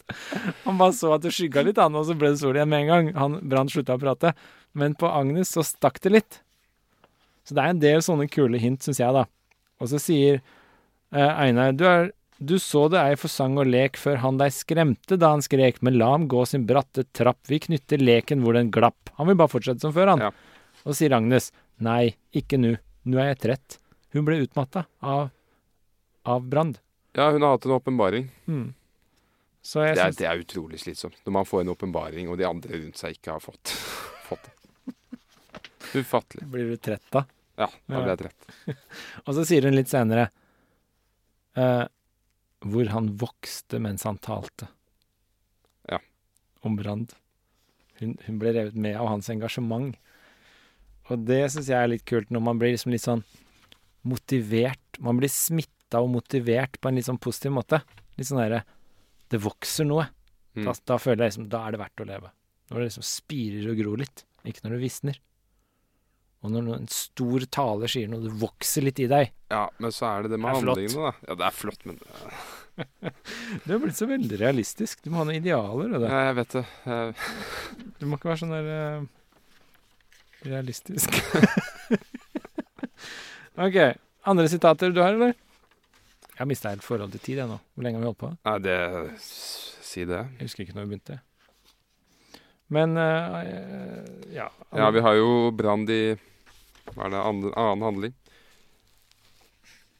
Ett eies som du ei kan skjenke. Det er ditt eget indre selv. Du tør ei binde, tør ei lenke. Du tør ei stemme, kallets elv. Det vil sin vei til havets hvelv. Så du kan skjenke mye, men du kan ikke skjenke ditt indre selv. Mm, det er litt den derre Du kan gi mye, men det, du kan gi alt av jordelig gods, men det eneste du ikke kan gi, er den som gjør at du dør inni deg. Så når du står og selger sjamporeklame for rødt hår, så dør du inni deg. Den kan du ikke gi, Odd. Nei, jeg Den må, kan du jo ikke. kanskje ikke ikke finne på det. Nei. Selv om du har vært på Farmen og greier, så må du ikke finne Ja. på å begynne å selge sjampo. Nei. For det er det eneste du ikke kan gi, for da gir du deg selv. Altså, det, Ja, du, du det, er, må det, er, det, er nettopp, det er nettopp det som du sier, fordi på Farmen så kunne jeg Jeg kunne bare være den jeg er, og gjøre masse rart. Mens det med sjampo, det, da- det er Det er over en viss grense. Ja. Men hva er, det mest, hva er det du har gjort som er mest over den grensa? Når har du tenkt liksom Shit, dette er som sjamporeklame. Har du gjort noe sånt? Om du føler deg bokstavelig talt litt prostituert? Oi. At du går på kompromiss med deg selv? For jeg tror det som ligger i det du leste, altså, er jo jeg, har jo, jeg har jo gjort det, men jeg, jeg kan ikke komme på én som stikker seg veldig Nei. ut. Det kan jeg ikke. Fordi- kanskje jeg kommer på det til neste gang, så Ja. du får minne meg på det. Fordi det som du leste, er jo litt den der at du kan Jeg tror det ligger litt i brannfiguren nå, at du kan gi alt jordelig gods. Det går greit. Men du kan ikke gi det som går på kompromiss med deg selv. Du kan heller gi livet ditt enn det som går på kompromiss med deg selv. Ikke sant? Det ligger litt i brannideologien, tror jeg. Så Ja, du, skal det- heller, du skal heller dø fysisk enn å dø psykisk. Var det ikke et sitat på forrige teaterstykke som var veldig likt? Det var dette med at du kunne gjerne dø for noe, men ikke leve for dem. Du det var kan, dette som Ayn Rand har stjålet til sin Du kan dø for en sak, men ikke, du må leve for deg selv. Ja, nettopp. Du kan dø for en annen, men du må leve for deg selv. Du kan ikke leve for en annen. Hvis du virkelig vil noe. Mm. Det, er- det er jeg fan av. Ja. Men eh, som mor må du jo leve for dine barn, da. Det er det som er litt sånn mors uh, Abrahams offer. Det er mors abrahamske offer. Hun ofrer seg selv. Hun ofrer seg selv. ja. Det er kanskje enda større offer, ikke sant, enn det Abraham gjorde. Abraham ofra det han elsket mest, mens moren ofrer seg selv. Det er kanskje enda større, faktisk, når jeg tenker meg om. Noen burde omskrive den historien. Til Abrahimen. Abrahinnen. er det et jentenavn? Abra, en kvinnelig versjon av Abraham og Isak ville være Abra Et eller annet jentenavn som ofrer seg selv for Isak. Abraham ofrer jo Ja. Isak, men kvinnelige Abraham ville ofret seg selv for Isak. Mm. Så den kvin det er ganske interessant, for Abraham han får et kall fra Gud om å ofre sin sønn, som han elsker høyest. Så skal han vise hvor høyt han stoler på Gud ved å ofre seg, ved å ofre den sønnen. Men han ofrer ikke seg selv. Men den kvinnelige versjonen ville jo da fått det kallet fra Gud om å ofre Isak, og så gikk hun, nektet hun, og så ofret hun seg selv. Det ville vært et større offer, et kulere offer egentlig. Jeg har mer respekt for det når jeg tenker meg om. Dette er kanskje en revolusjon i hodet mitt, faktisk. Ja, at hun, nek hun nekter å følge Gud. Ja. det er egentlig mye kulere. Det er mye mer punkrock. Noen burde skrive den historien. en liten åpenbaring vi hadde her nå. Ja, ja kanskje, han, kanskje han prøvde med henne først, men hun var helt umulig. Ja, så han måtte Gud, ja. prøve med Abraham Gud prøvde med Sara, kona til Abraham, og så bare nei, det nytta ikke. Så da tok kunne, han kunne ikke inkludere det i Tore. Nei, så det er lettlurt av Abraham gikk på limpinnen i stedet. Jeg har et annet sitat jeg hadde lyst til å lese her. Dette er, Jeg har en annen bok enn deg i dag, da, det var litt uheldig, men dette er da helt i begynnelsen av annen handling. Ikke helt i begynnelsen, litt sånn en halv side uti. En side uti. Så står det Må du på fire krype hjem, da kommer dyret i deg frem. Ja. Går dag for dag i lommer ro, i skrittgang som et likferdstog. Da ligger det så nær å tro, seg strøket ut av Herrens bok. Men eder var han mere god, han drysset redsel i ert blod, med dødsnøds svøper han gjer slog, veit ikke hva det betyr, hva dyrt han ga, han atter tog. Ja. Spesielt den første. Må du på fire krype hjem, da kommer dyret i deg frem. Det er ydmykelsen. Ja. Hvis du må krype frem på alle fire, da kommer dyr i deg frem. Jeg tror også er det å krype frem på alle fire er jo ydmykelsen, men det er når du er totalt ydmyka at dyr i deg kommer frem. Det er da du blir vill. Det er da du kan fare opp og ta og slåss, for du har ikke noe mer å tape. Og jeg tror det ligger litt i samme ideologien til Brand her, at eh, når du er ydmyket, så er jo ære og stolthet knust. Ja. Og da, det er da dyret kommer frem, det er da du er trua, det er da du går til angrep. Men den siste delen der, da? Og i mak og ro, når du driver ikke sant, Går dag for dag i lommero, i skrittgang som et likferdstog. Ikke sant, Da er du helt dødt. Da er det ikke noe liv. Ja, men det har vi jo sett her. Brann tåler jo ikke hverdagen. Nei. Det, det, Da bare står han og surmuler, egentlig. Da ligger det så nær å tro seg strøket ut av Herrens bok. Med andre ord, jeg tror kanskje vi har snakka om det her før, eller så har vi snakka om det off imellom opptak eller noe. Fordi jeg tror det er i fred Hvem var det som sa 'fredstid skaper dovne menn'? Uh, det, er, det er et kinesisk um, proverb, som det kalles på engelsk. Hva blir det? Et kinesisk regle? Eller, ja, Mm. Som sier at ja, fred skaper svake menn. Svake menn skaper krig. Mm. Krig skaper sterke menn, og sterke menn skaper fred. Så da har du den runddansen. Ja. Og det er vel litt det som er- ligger mellom linjene her. Må du krype på fire, må du på fire krype hjem, da kommer dyret deg frem. Går dag for dag i lom og ro, i skrittgang som et likfeistog, da ligger det så nær å tro, så jeg strøket av Herrens bok. Det skjer ingenting når det går rolig for seg. Da føler du ikke at noe er viktig, du føler deg glemt. Det er liksom Ja. Da blir du bare doven. Og det er det han klager på, ikke sant. Guden til disse hverdagsmenneskene er bare en doven gammel gubbe. Mm. Så de må ydmykes, de må slås, de må ned på fire. Da reiser de seg med enda mer makt og styrke enn før. Ja, det er, jo, det er jo ganske påfallende at veldig mange store sivilisasjoner har vokst opp fra en periode med stor nød. Mm. Svarte, svartedauden er jo på en måte den største katalysatoren for renessansen i Europa. Det skjer rett før. Føler du det psykologisk òg? At når du har driti deg ut nok, da trår den sterke ødet til? Ein, Einar føler føler iallfall det. Einar i stykket her. Jeg var litt i tvil var du Ja. Ja. Jo, selvfølgelig. Det, um, hva er det Nietzsche sier? Din undergang skal bli din overgang. ja. At det er ikke For det er jo to typer mennesker her i verden. Det, det, er, Det- det er bare to. Det er, det er de som lar et nederlag forbli et nederlag. Og så er det de som lar et nederlag forbli et, en opptur. Altså de vrir den om til noe større. Så de klarer å få noe konstruktivt ut av ethvert nederlag. Ja. Og Jeg overdriver litt nå, men det er liksom Det er det siste vi på en måte bør etterstrebe, ikke sant. Vri det om. Ta det innover deg, lær av det. ja, men du skal virkelig ta det innover deg. Ja. Det er veldig viktig. Man skal ikke, man skal ikke børste det av. Mm.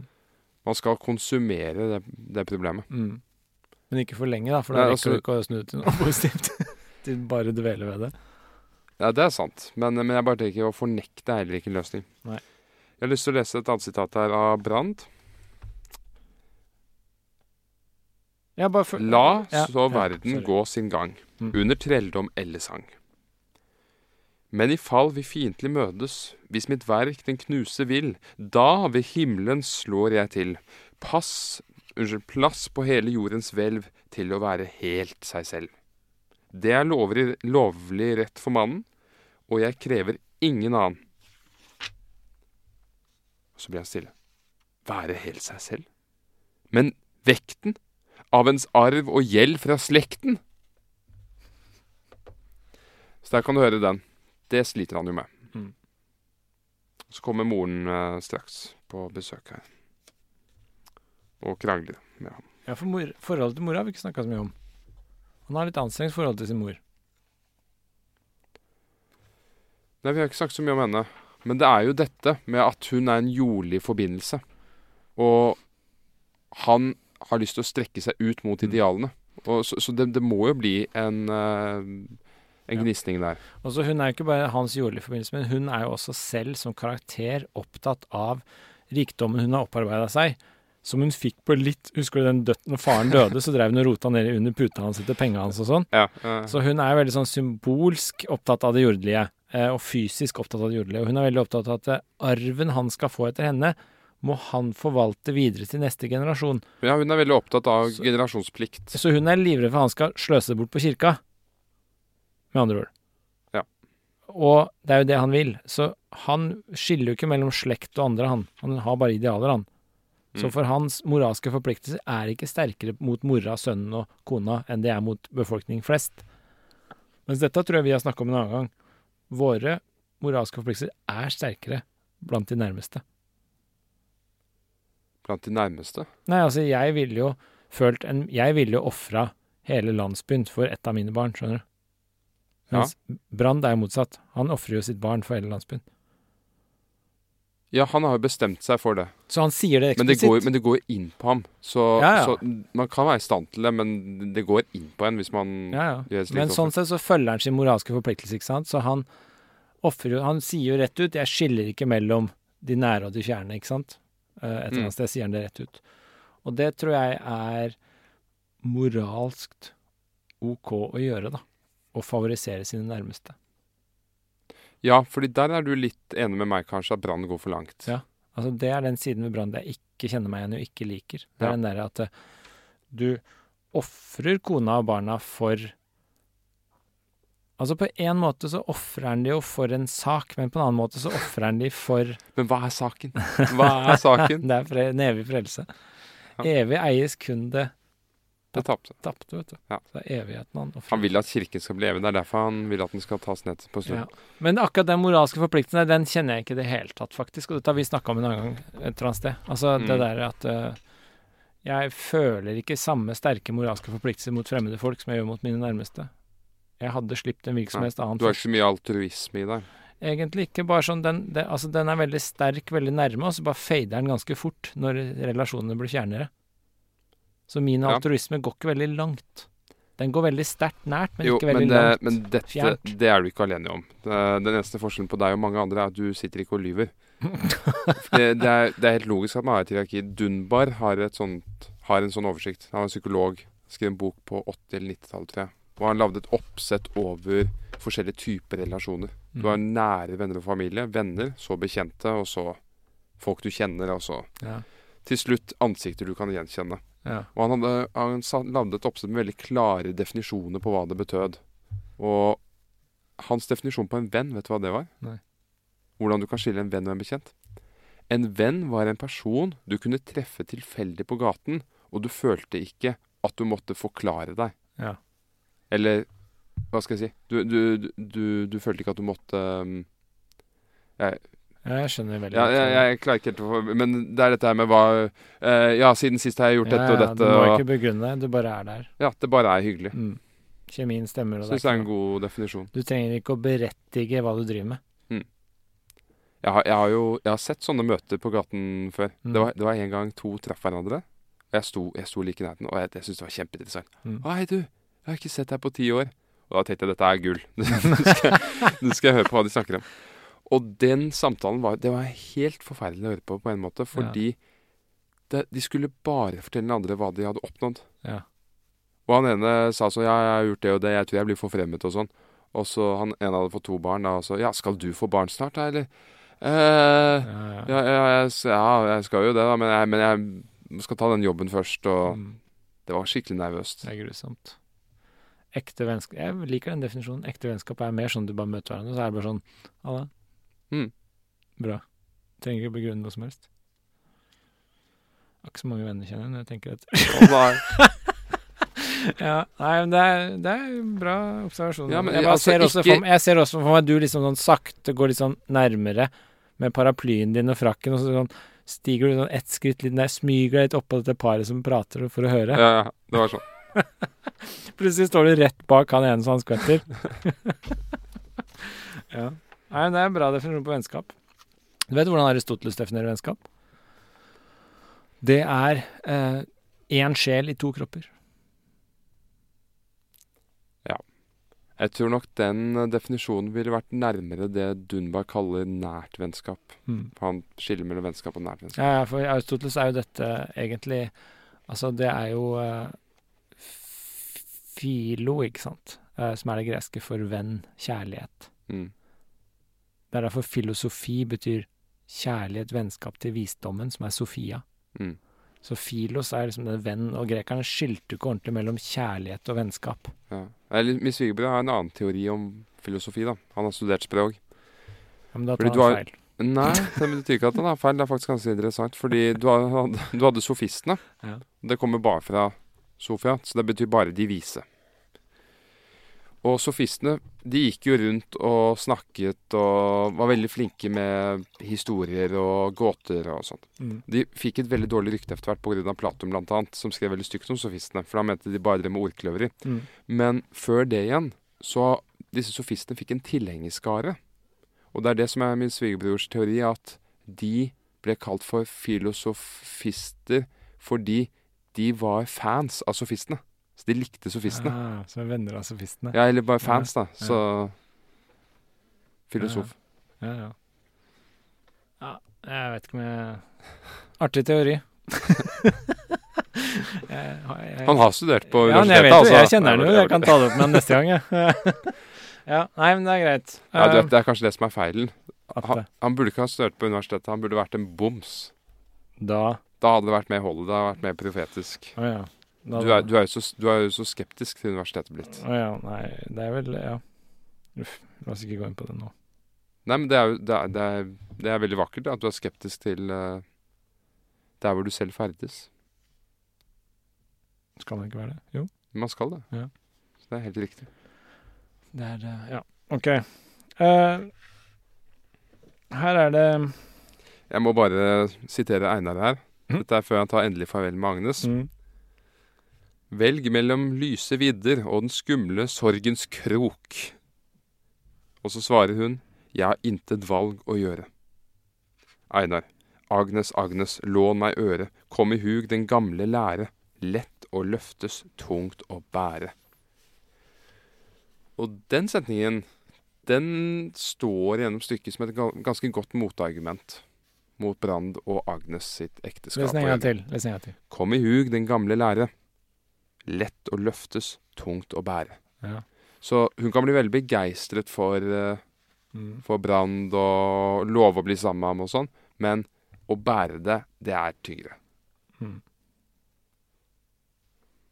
Det er noe med det også, at Brand er kanskje mer forførende Ja. Enn det holder i ham. Og det er mange advarsler her som Magnus får fra flere hold, tror jeg, om at eh, hun må gå med han. Jeg tror han selv advarer også. 'Min vei blir hard'. Så jeg, det er mange advarsler om at det blir tungt å bære. Det, det er på en måte fra første side en spådom om en tragedie, ikke sant? Det å bli med han. Han er jo denne litt sånn riv ruskende gale idealisten som du vet det går gærent når du følger han. Ja. Det er aldri realistisk noen gang, egentlig, det han driver med, ikke sant? At ei du kan, deg visst forlades, men aldri at du ikke vil. Det er sitat fra Brandi, tredje handling. Hvis alt du ga foruten livet, da vit at du har intet givet. Mm. Det er også Brand. Det er ganske harde kår. Uh. Vet du hva som er litt uh, rart? For litt siden, før jeg begynte å lese Brand, så begynte jeg på et dikt. Som var veldig bransk. ja. Det var dette med alt eller intet. Mm. Og min søster så det, og hun sa 'Du er syk, Øde'. så det var ganske likt som dette.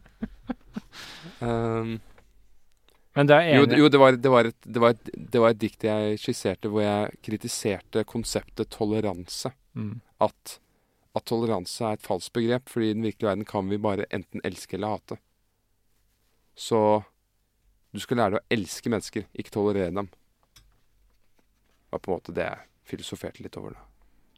Men når du elsker dem, så Nei, altså Jeg bare sammenligner litt Jesus sitt budskap med det moderne ateistiske budskapet. Mm. Er jo mer tolerer, tolerer. ja. Mens Jesus sier nei, du skal elske Mm. alle. så har jeg bare tenkt litt over det at det er kanskje litt hold i, i det Jesus sier. Nettopp kanskje fordi toleranse er en såpass nøytral Jeg vet ikke hva jeg skal kalle det emosjon, eller Ja. altså er, Toleranse er veldig sånn byråkratisk. Ja, jeg, jeg tror ikke det er en virkelig menneskelig følelse. Altså det er liksom feilslått toleranse. Også den derre 'jeg skal tolerere alt', og så er du dypt uenig. Da er det litt sånn 'jeg skal tolerere' Det er ganske sånn nøytralt og byråkratisk. Eh, det er også litt sånn misforstått også, det at vi skal tolerere alt, og dermed skal vi si at alt er like bra, og skal vi akseptere alt på like fot. Det er litt sånn feilslått bruk av toleranse. Toleranse innebærer liksom å Du kan være dypt uenig og hate det som blir sagt, men Ja. du, du elsker mennesket nok til at du liksom Ja, men det er det jeg mener. Ja. at i, Jeg syns kanskje Jesus sitt budskap er litt dypere enn dette, disse greiene vi driver og roter med i dag. At, Mm. at du, kan, du kan hate det mannen sier, men du kan elske ham fordi du, det er noe annet. eller et eller annet. Mm. Ja. Skal elske din fiende, vet du. Mm. Um, alt mange har oss sagt og vist hvor veien var før nu. De pekte, men du gikk den, du. Mm. Virke, vi må jo det. Ja. Ett eies som du ei kan skjenke, det er ditt eget indre selv. Det var den du leste. Mm. Hvor kraft ei er, der er ei kald. Hort, sier Brande. Det er mange som sier det. Du er hår, Brann. Men jeg har lyst til å hoppe til eh, slutten av tredje handling. Ja. Og det er når han har fått beskjed av doktoren sin om at barnet ditt er sykt. Du burde flytte herfra. Det er veldig kaldt her. Og han skal til å gjøre det. Det er du enig med meg om. Ja, han skal det. Men så kommer en mann Han og skifter sier brått, la du merke til det? Idet doktoren sier liksom Alf er syk, du må flytte. Han bare Ja, vi drar nå! Mm. Det er ingen tvil med en gang. Men så kommer det en mann og, og er veldig begeistret for Brann og, og holder en lang tale om Mm. hvor flott, flott han er, og at fogden har spredt et rykte, står det vel, om at han skal dra derfra. Og du må ikke vike! Mm. Og da, da faller jo kanskje Brann for uh, For uh, han, han, han velger et godt rykte fremfor en levende sønn, Mm. må, må man vel kunne si. Og da Men det er ikke helt Hans klart argumentasjon her Ikke helt klart at det er rykte fremfor kallet, men OK. Jo, men Ja. vi kan høre på hans argumentasjon overfor eh, hun Agnes, da. Hvor, hvor han spør, stirrer på henne, hvilken vei? Og så peker han først mot havgrinden, og siden mot husdøren. Hvilken vei skal vi ta? Dit eller dit? Og Agnes, hun er forferdet over spørsmålet. Brann, ditt barn, ditt barn! Og så Brann. Gi svar. Var jeg prest før jeg ble far? Og da i det spørsmålet så ligger jo svaret at han vil, han vil prioritere det kallet fremfor sitt barn. Men jeg syns at det er en veldig dårlig begrunnelse. At det første er mer gyldig enn det siste. Ja, jeg er helt enig. Jeg syns det går litt for langt. Jeg er helt enig akkurat her også. Jeg liker ikke akkurat den ideen. Men jeg, det er noe som splitter litt. Altså, jeg liker ikke den der at han ofrer sin sønn for et kall som er så uklart og rotete. Det er bare galskap, ikke sant? Det er helt tullete. Og det strider mot alt jeg tenker om liksom sånn for farskjærligheten til barna sine og sånn. Alt det der blir bare gærent. Men Jeg burde ikke si men her nå. Men det er også Det er også på en måte den derre Det er det som er så frustrerende med Brann. ikke sant? Det er den derre lutherske står på kirketrappa, banker det på døra, det er lappen på døra og sier 'her står jeg og kan ikke gjøre annet'. Det er den der. Og den driver alle mennesker i mer eller mindre grad. Og Brann bare er så ekstrem der. Det er derfor jeg tenker Abraham er den beste i sammenligningen her. Som ofrer sin sønn. Men det er jo et ideal Er det nesten et Er det Abraham Brand Brand Abrand Kanskje. Det er noen ordsammenheng der. Ja. Men poenget med Abraham er jo at det, det kommer en engel og stopper han idet han skal til å gjøre det. Så, han, så sønnen dør jo ikke. Isak er jo opphavet til Josef senere, blant annet. Mm. Slik at eh, han blir jo stoppa. Det gjør, blir jo ikke Brant. Det er ingen som stopper Brant. Nei, Gud stopper ham ikke. Nei, for han finnes ikke. så sønnen dør. Og det er uklart hvorfor kona døde òg. Agnes, merka du det?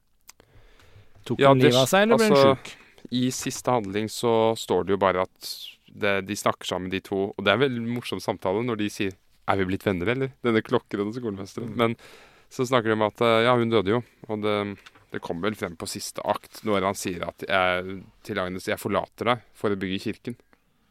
Jo, men han, han dumper deg ikke. Han bare fysisk drar bort for å bygge kirken. Ja, Det er, Og så dør han. Hva da er vi for opphengte i ord. Det er, han dumper henne jo. Han stikker jo. Er det sant? Jeg leste ikke det. Ble, det kan godt hende du har rett. Jeg tolka ikke sånn. Jeg tolka bare sånn at hun døde av sorg, nesten, jeg. Det ble for mye for henne. Ja, hvor er det La meg se.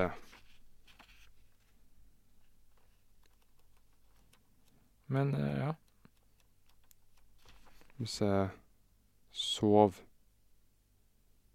Nei, hvor er det han sier at han skal til kirken? Velg, du står på veiens skille. Slukk det lys som i meg brenner. Steng for juletankens kilde. Gi meg mine avgudsklute. Kvinnen sitter enn der ute.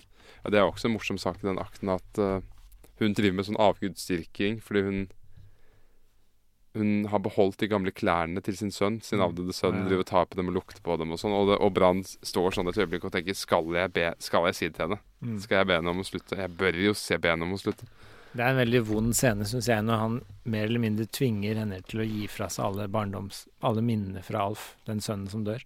Ja, det er så hjerteskjærende. Hun har jo disse klærne hans og klynger seg til det, og så sier han bare alt, intet eller alt, og hun må gi klær for klær, og så sier hun kan ikke bare gi litt, nei, intet eller alt, og så gir hun nesten alt, så bare du har igjen noe, har du ikke det? Jo, hun har gjemt unna en ting, ja, den nå, og så tror de alt er gitt, og så sier hun sorry, altså, men jeg har gjemt unna enda en ting, Ja. Og da er han bare kald og hard. Det er Brann på sitt verste. Da er, er Brann bare liksom gal, spør du meg. Der er han på sitt verste. For han er ikke noe pragmatisk, han er ikke noe godt skjønnsutøvelse. Han bare mangler alt som er menneskelig. Da er han hår. Ja. Det er også dette her med Agnes sier brann må jeg flytte ganske stille på vinduslykens stygge skille. Kun litt på klem, brann, må jeg? Nei, sier hun. Fordi alt skal, det skal enten være åpen eller lukket. Det skal ikke være litt på klem. Og så er det denne hjerteskjærende scenen her, hvor hun gir fra seg disse klærne. Agnes, her er sløret, her er kåpen, han ble båret til i dåpen. Her i knyttet har jeg kjolen. Og så står det 'holder den i været, ser på den og ler'. Og det var så hjerteskjærende å lese. Mm. Herregud, hvor søt og butt, deilig var min lille gutt. Da han satt i kirkestolen, her er skjerfet, her er kuften. Han var kledd i første gang han fikk komme ut i luften. Den gang var den altfor lang, men den ble ham snart for liten. Den skal legges her ved siden. Vante strømper. Hvilke ben! Og hans nye silkekyse som han fikk for ei å fryse. Den er ubrukt ren og pen, og der ligger langferdsdrakten, han ble svøpt i lunt og tett, for å reise lint og lett.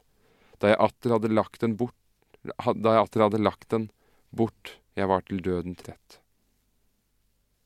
Og så sier Brand, spar meg Gud, jeg kan ei knuse hennes siste avgudshuset. Men så gjør han den. Han gjør det.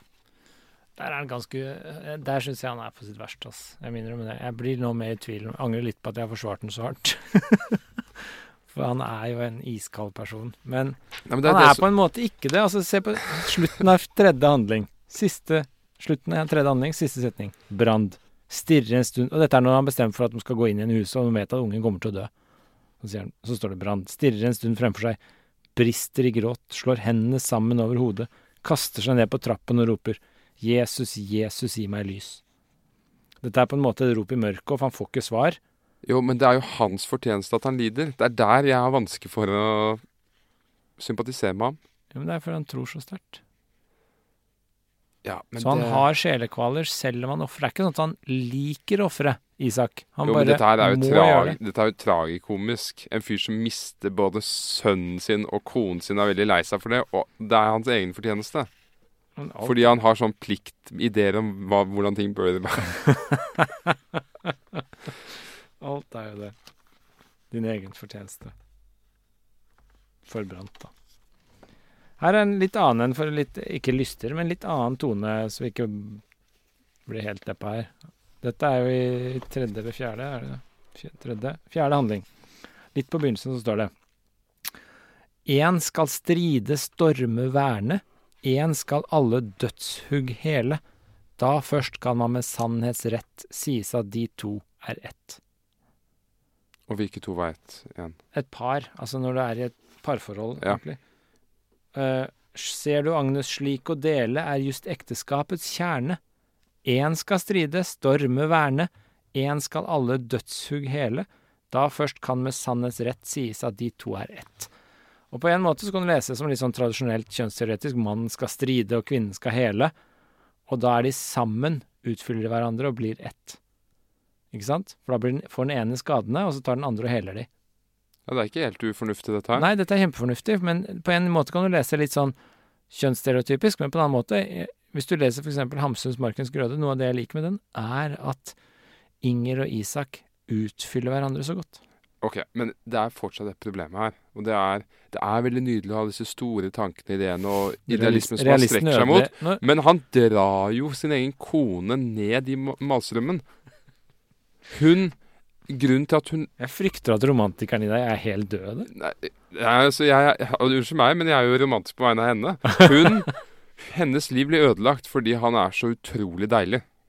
Det er problemet her. Hvordan da? Hun, hun er jo kjempeforelsket i ham. Ja. Er, er det ikke, ligger ikke det litt i stykket at hun er mer forelsket i ham enn omvendt? Jo, det Han- føler jeg òg. Ja, Jeg føler ikke at han ble ordentlig forelska noen gang. Han bare likte viljestyrken hennes.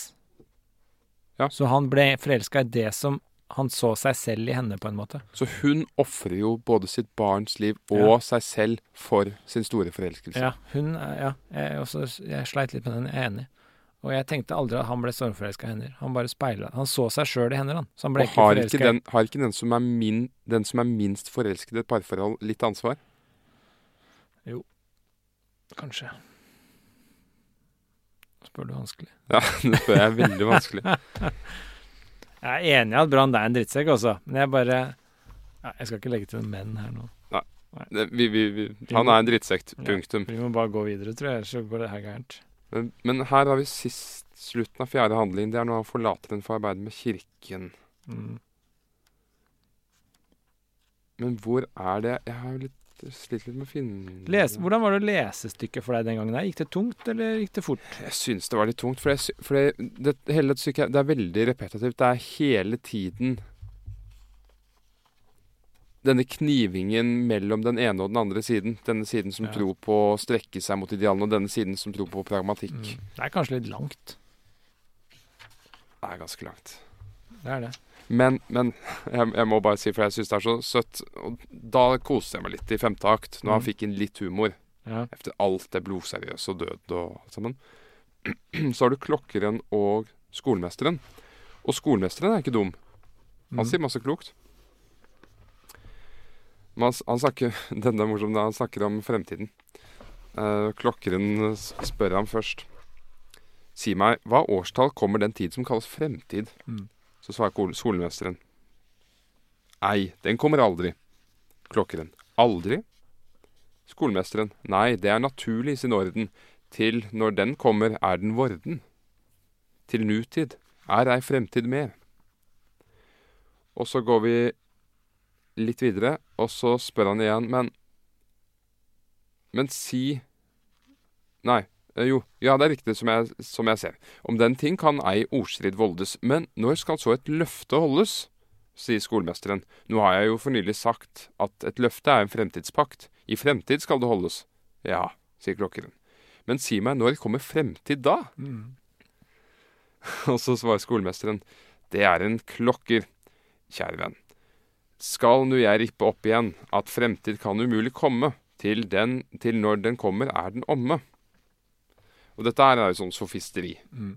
Det er veldig sånn kjent filosofisk tenkning, tenkning, det at, eh, at eh, tiden er liksom det som hele tiden glipper. Nuet er det som hele tiden er forbi, og fremtiden er det som hele tiden aldri kommer.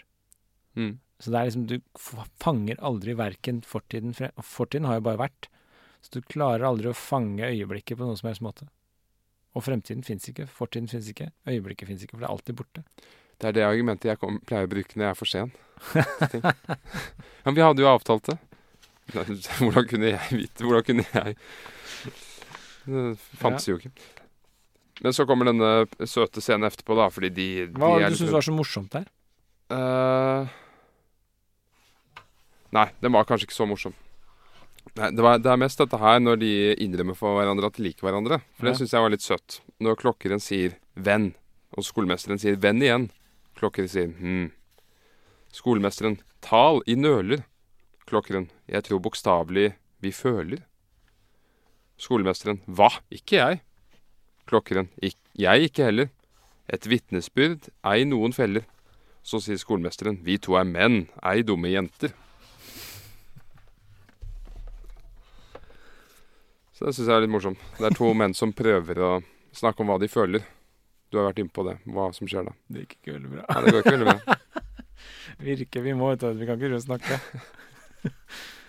Jeg har en uh, sitat her, et sitat som jeg likte veldig godt. Ja, dette er da Skal vi se hvem er det som sier det? Det er fogden som sier ja. Håpløs er en ensom kriger. Nei, Brann er det som sier det, selvfølgelig. Ja, da tviler han sterkt. Nå er han langt ja, nede. Ja. Håpløs er en ensom kriger. Han innser at han begynner å bli aleine, ikke sant? Og det er håpløst. Hvis han ikke får med seg noen, da er det uten håp. Mm. Og så litt senere så sier, eh, så sier prosten Ja, prosten. Sin særlighet må hver mann temme. Ei høyne seg og ei gå fremme, men gjemt seg midt i massen hjemme. Massen hjemme. Ja. Det er litt sånn Jens Bjørneboe, dikt til ungdommen hvis du vil lykkes her i verden. ja. Den første delen der var jo litt sånn buddhistisk. Sin særlighet må hver mann temme. Dette er jo slavemoralen, da, som fogden her presenterer, ikke sant? Fogden Ja. sier egentlig bare nei, nei, nei, dukk ned i massen og tilpass deg. Ikke stikk deg frem. Mens herremoralen er sånn, stikk deg frem. Syns jeg var litt fin, da. Ja, den er veldig fin. Men uh... Husker du det de sa om staten i femte handling? De, han disser litt staten her, prosten. ja Se, staten er hva knapt de aner, nøyaktig halv republikaner. Den hater frihet som en sott, men ynder likhet såre godt. Mm. Ja, altså jeg har, jeg har sans for prosten, for han er veldig virkelighetsorientert. Altså, han er ikke Han er ikke en dum følger. Er det ikke han som serverer en uh, fiskeløgn? Ja, nettopp. Han er litt makiavelsk. Det liker du. Altså, jeg liker Har du lest 'Prinsen av Machiavelli'? Ja, jeg liker den godt. Du liker den godt, ja. Jeg, jeg liker at man er klar over Og du syns det er rart at jeg liker Brand? Du liker Machiavelli. Jo, men, men det er jo motsetninger, da. Machiavelli er veldig pragmatisk. Mm, det er det jeg sier. Ja. Han også er villig til å ofre en del på veien for at eh, prinsen skal lykkes. Uh, nei, han bare sier at det må du gjøre. Han gjør det jo ikke selv. Nei, nei, men altså, han gir jo råd til hvordan du skal styre en stat. I prinsen. Ja, absolutt. Og du må drepe, og du må voldta, og du må gjøre en del. Mm. Men eh, ja, jeg tror nok kanskje, kanskje han ville Det- ikke rådført noen om å ofre sin sønn. Det du kanskje liker med den, er kanskje at uh, Machiavelli er ærlig på det. Ja, det er det. Det er tilbake jeg, til deg og den jeg har veldig stor respekt for ærlighet. Drep og voldta, bare du sier du har gjort det. Ja, det er nettopp det. Du sa ja ganske fort der. Ja, men jeg, jeg tror du har truffet noe der. Det er, det er en dyd som står veldig høyt hos meg. Ja, ærlighet. Ja. Mm. Jeg er helt enig. jeg, enig. tror kanskje det er det jeg reagerer på litt med Brand, at denne Altså, han bygger en kirke og sier at den skal stå der, og den skal løfte byen og sånn, og så står kirken. Og så bare låser han kirken og sier nei, hallo, vi dropp festen. Mm. Ja, det, det er en slags løgn. Han har lovt noe han ikke holder. Ja, jeg skjønner. Jeg er veldig fan av det. Altså, jeg har jo forfekta det her i mange ting. At det der med å liksom være ærlig og ekte og stå for noe, og i hvert fall innrømme det. Og jeg er helt enig. Ja. Det er en veldig sånn fin dyd. Og rett etter at uh, han låser den kirka, og tar nøkla og kaster det i havet Han låser kirka, og så kaster han nøkla på sjøen. Mm. Så sier fogden, sakte og lettet, ha, der røk hans ridderorden. Ja. Så sier prosten likeledes, så, nu blir han aldri bisp. Der røyk karrieren hans. Ja. Men der er jo jeg på Brann sin side. Det er også liksom ridderorden og det å bli bisp, det er jo formalia, ikke sant. Det er denne purpurkåpen som jeg ikke bryr meg om.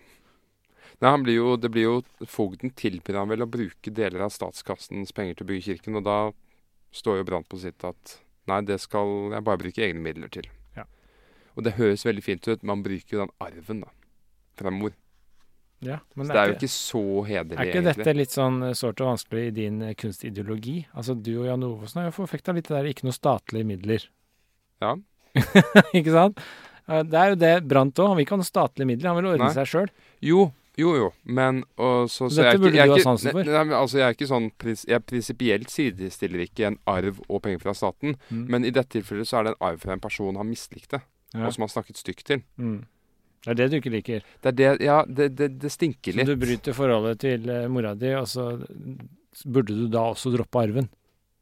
Ja, Mm. jeg synes kanskje det.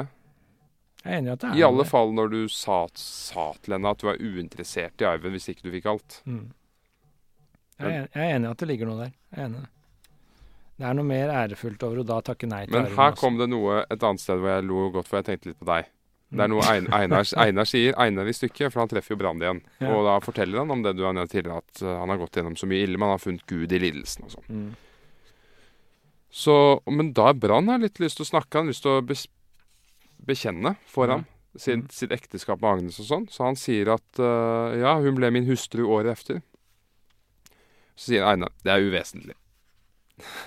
Jeg heft, herefter Jeg hefter ei min oppmerksomhet ved slikt, det viktige jeg kun vil kjenne. Sier Brann. Vårt samliv ble velsignet rikt med sorg og glede barnet døde. Einar. Det er uvesentlig. Brand. Å ja, det var jo mer lån enn gave, og en gang dages jo et møte, men siden gikk hun selv herfra, der inne grønnes begges grave. Einar. Det er uvesentlig. og så svarer Brand. Det med? Æsj, at du og tenkt på meg og lo. Jo, men det kommer nå. Det kommer nå, vent litt. Og så spør Einar. Om slikt jeg krever ei beskjed. Jeg vil vite hvordan hun døde. Vi snakket jo om selvmord sist, Mm. efter opptak. Ja, det var etter Og da opptak. sa du, da innrømmet du for meg at ja, når jeg hører om selvmord, så er jeg egentlig bare interessert i å høre hvordan de gjorde det. Ja. det var ikke bra at det her ble avslørt på lufta, men ja. Nei, men det, det, det går fint. Det er som du sier, at uh, når man avslører sitt innerste, så resonnerer det med mange. Ja, ja, ja. Mange som har det sånn. Uh, ja, nei, han var veldig opptatt av hvordan, ja, det er sant, det. Ja. Her uh... Men er ikke han blitt litt sånn som Brann, Einar, på slutten? Han er blitt litt sånn hard og prinsippfast. Jo, fordi han har ofra alt. Det er litt derfor jeg tror de kanskje forenes litt, ikke sant? Begge har jo mista alt. Det er det som er likt med Brann og Einar. Begge har mista alt, og da, hva gjør du da? Det er når du først har mista alt, du er villig til å på en måte gå all in, for du har ikke noe mer å tape. Ja, men det er en likhet her med at han han vil ikke høre noe om Agnes. Det er ja. uvesentlig, sier han. Så det er, det er nesten som om han fornekter sin fortid. Ja. Og det gjør Brand også, fordi moren Mm. tåler ikke moren og vil ikke snakke om henne eller til henne. Mm. Ja, jeg er enig i at de forenes på en måte. Det er kanskje derfor de også møtes til slutt, ikke sant? I stykket. Ja. Det går litt sånn De, møter, de forenes igjen. Ja. Han har forandret seg. Brann har jo ikke forandret seg, i grunn. Nei, Brann har ikke noe sånn veldig sånn karakterforandring. Det er jeg enig i. Han er litt sånn bølgedaler underveis, men ikke noe sånn veldig stor forandring. Men jeg tror det interessante der er det du sa tidligere, at han, hans forandring er mer sånn tragisk. Altså den går fra å ville til å bare gjøre det av plikt. Så den går fra å være ganske substansiell viljesdrift til å være bare litt sånn Jeg bare gjør det nå, for jeg, har ikke noe annet å gjøre. Kanskje. Altså han mister litt drivet til slutt. Det minner litt om Hitler i bunkersen på slutten av krigen. Man bare fortsetter å Fortsetter å krige, og det, alt faller rundt ham. Han Ja. bryr seg ikke lenger. Vi skal bare fortsette og fortsette og fortsette. Ja. Du er liksom Ja, du mister litt sånn realitetssansen, og du bare Du går på tomgang til slutt. Ja, det er noe interessant i det, faktisk.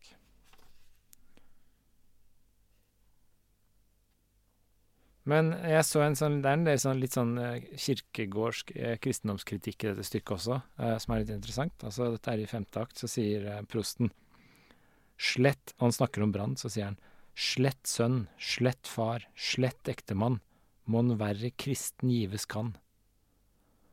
Mm. Så han anklager Brann for å være en dårlig kristen. Fordi han er, har ofra så mye, ikke sant? Mens for Brand så er jo det den gode kristne som har ofra alt for Guds kall. Slik at det, dette er litt sånn kjent dilemma, ikke sant, i Bibelen også. Du skal på en side være litt sånn flink ektemann og sånn, men på den annen side I hvert fall sånn hvis du leser Paulus, da, Mm. så skal du liksom gå ganske all in. Det minner meg litt om Ivan sitt dikt fra 'Brødrene Karamazov' av Dostojevskij. Du, du har lest den? Ja, ja. Hvor han eh, påpeker nettopp den forskjellen mellom Kristus, Kristus sin intensjon, hans lære, og hva kirken er blitt til. ja. At denne overpresten sier at nei, nei, Jesus lærer oss om det var altfor masse ansvar på Mm. enkeltindividet. Og det er mye bedre at folk bare har det hyggelig ja. og bra. Og behandler hverandre fint. Mm. Det er jo litt sånn dilemma i Bibelen, det der. Altså, er det nok å bare gjøre det du skal? Som er veldig sånn i Gamle testamentet og i deler av det nye kanskje litt, men mest i det gamle, så er det sånn bare gjør det du skal, så går, skal det her gå bra. Eh, det er liksom bare plikten og alt det. Mens eh, spesielt med Paulus og Jesus så blir det mer sånn du må faktisk mentalt inni deg omvendes. Mm. Spesielt med Paulus blir det veldig viktig, og da Det er jo litt det Brann driver med, ikke sant? Han må mentalt omvende folk til jordiske er irrelevant. Mens i Det gamle testamentet er det mer sånn bare du følger budene og gjør alle rare ritualer og har på liksom klærne riktig, så går det bra. Eh, Det er litt dilemma. Prosten forfekter det på en måte det derre Ja, det er også dette med Dette her med at du skal vike det andre kinnet til, og du skal Altså, du har et direkte forhold til Gud. Der mener jeg at lutheranerne hadde rett, i motsetning til katolikkene. Hva, tenker, hva syns du om det? Fordi jeg tenker jo at denne skriftingen som katolikkene har, det er noe de har funnet på som ikke nødvendigvis har noe med Jesus i Bibelen å gjøre. Ja, men det er jævlig deilig, da. Ja, men det er nettopp det. Det er nettopp det. Det er veldig letta, deilig. letta byrden litt. Jeg kan lese sitater som er direkte relevant til det, mot slutten av femte akt. Ja. Så er det jo det, ikke sant. Så sier da Gerd, denne gale, hun sier Mann, vi gret du ei før nu. For Brand begynner å grine, ikke sant. Og så sier Brand, klar, strålende og liksom fornyet. Frostvei bærer gjennom loven siden sommersol fra oven. Til i dag det gjaldt å blive tavlen hvorpå Gud kan skrive. Fra i dag mitt livsens dikt skal seg bøye varmt og rikt. Og så kommer det. Skorpen brister. Jeg kan grede. Jeg kan knele, jeg kan bede. Synker i kne. Mm. Og der brast stemningen, ikke sant. Og det Hadde han bare kunnet skrifta et par ganger før, så hadde han sluppet det der. Men jeg syns den er veldig Egentlig en veldig sånn fin måte å avslutte på, nesten, faktisk. Vi er liksom way over time nå med studietida vår òg. Det er vi nok. Men, det er eh, begynt å bli mørkt ute i gangen her, og folk har gått hjem og sånn. Ja. Men, Men eh, hva med De usynliges kor, er ikke det en fin avslutning? Jo, For jeg men jeg syns de versene er ja. så vakre. Du kan få slutte med det, men bare før du gjør det sånn vakkert til slutt Jeg syns det her er noe veldig mange menn kan ta inn over seg. Skorpen brister. Jeg kan grede. Jeg kan knele, jeg kan bede. Ikke sant? Det er en demning som til slutt bare brister. For alle, tror jeg. Og det er litt det Brand også viser, ikke sant? Han pusher, pusher, pusher, pusher. Knekker til slutt. Eller knekker han ikke? Han knekker definitivt. Ja. Altså, han, han treffer Agnes igjen, Mm. og hun forteller ham nei, nei, jeg er ikke død. Din sønn er ikke død. Alt har bare vært en drøm.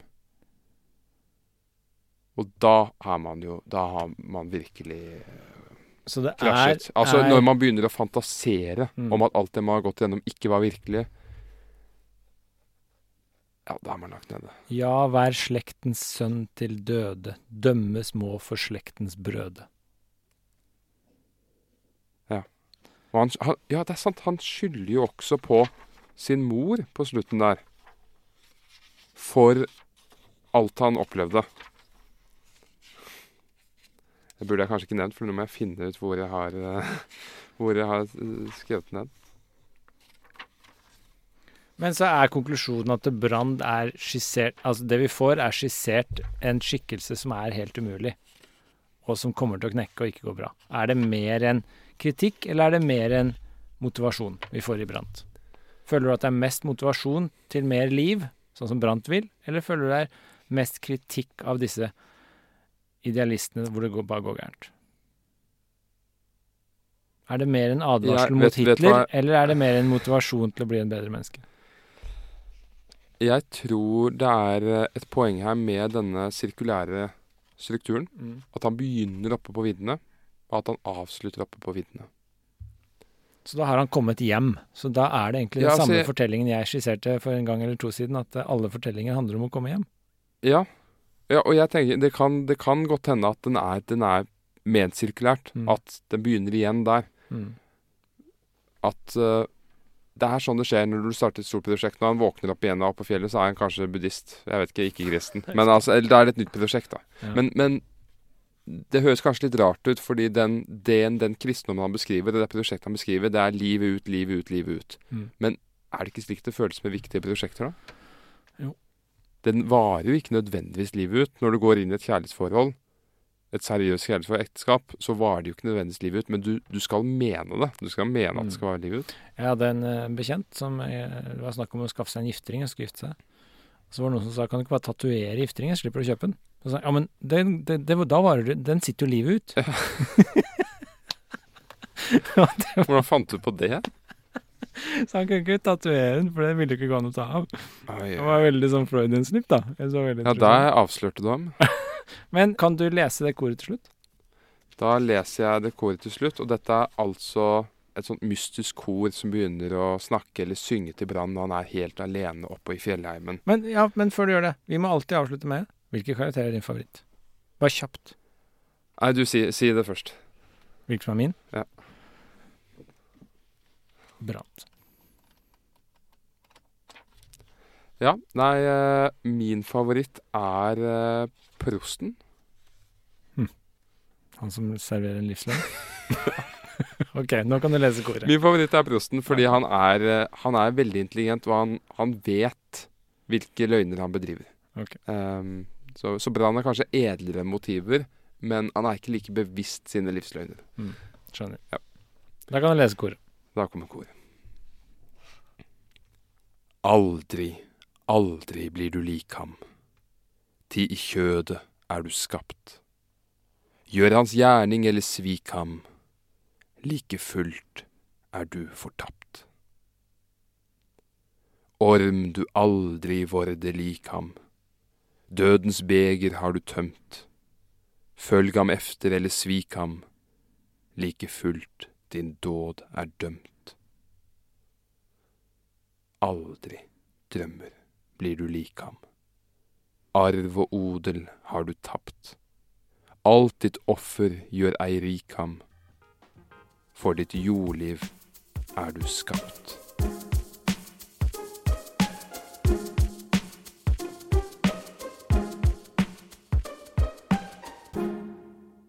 Produsert av Klinge.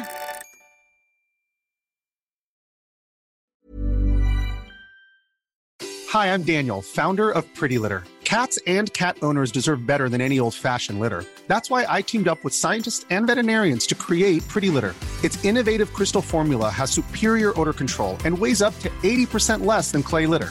Pretty Litter even monitors health by changing colors to help detect early signs of potential illness. It's the world's smartest kitty litter. Go to prettylitter.com and use code ACAST for 20% off your first order and a free cat toy. Terms and conditions apply. See site for details. Even when we're on a budget, we still deserve nice things. Quince is a place to scoop up stunning high-end goods for 50 to 80% less than similar brands. They have buttery soft cashmere sweaters starting at $50, luxurious Italian leather bags, and so much more. Plus, Quince only works with factories that use safe, ethical, and responsible manufacturing.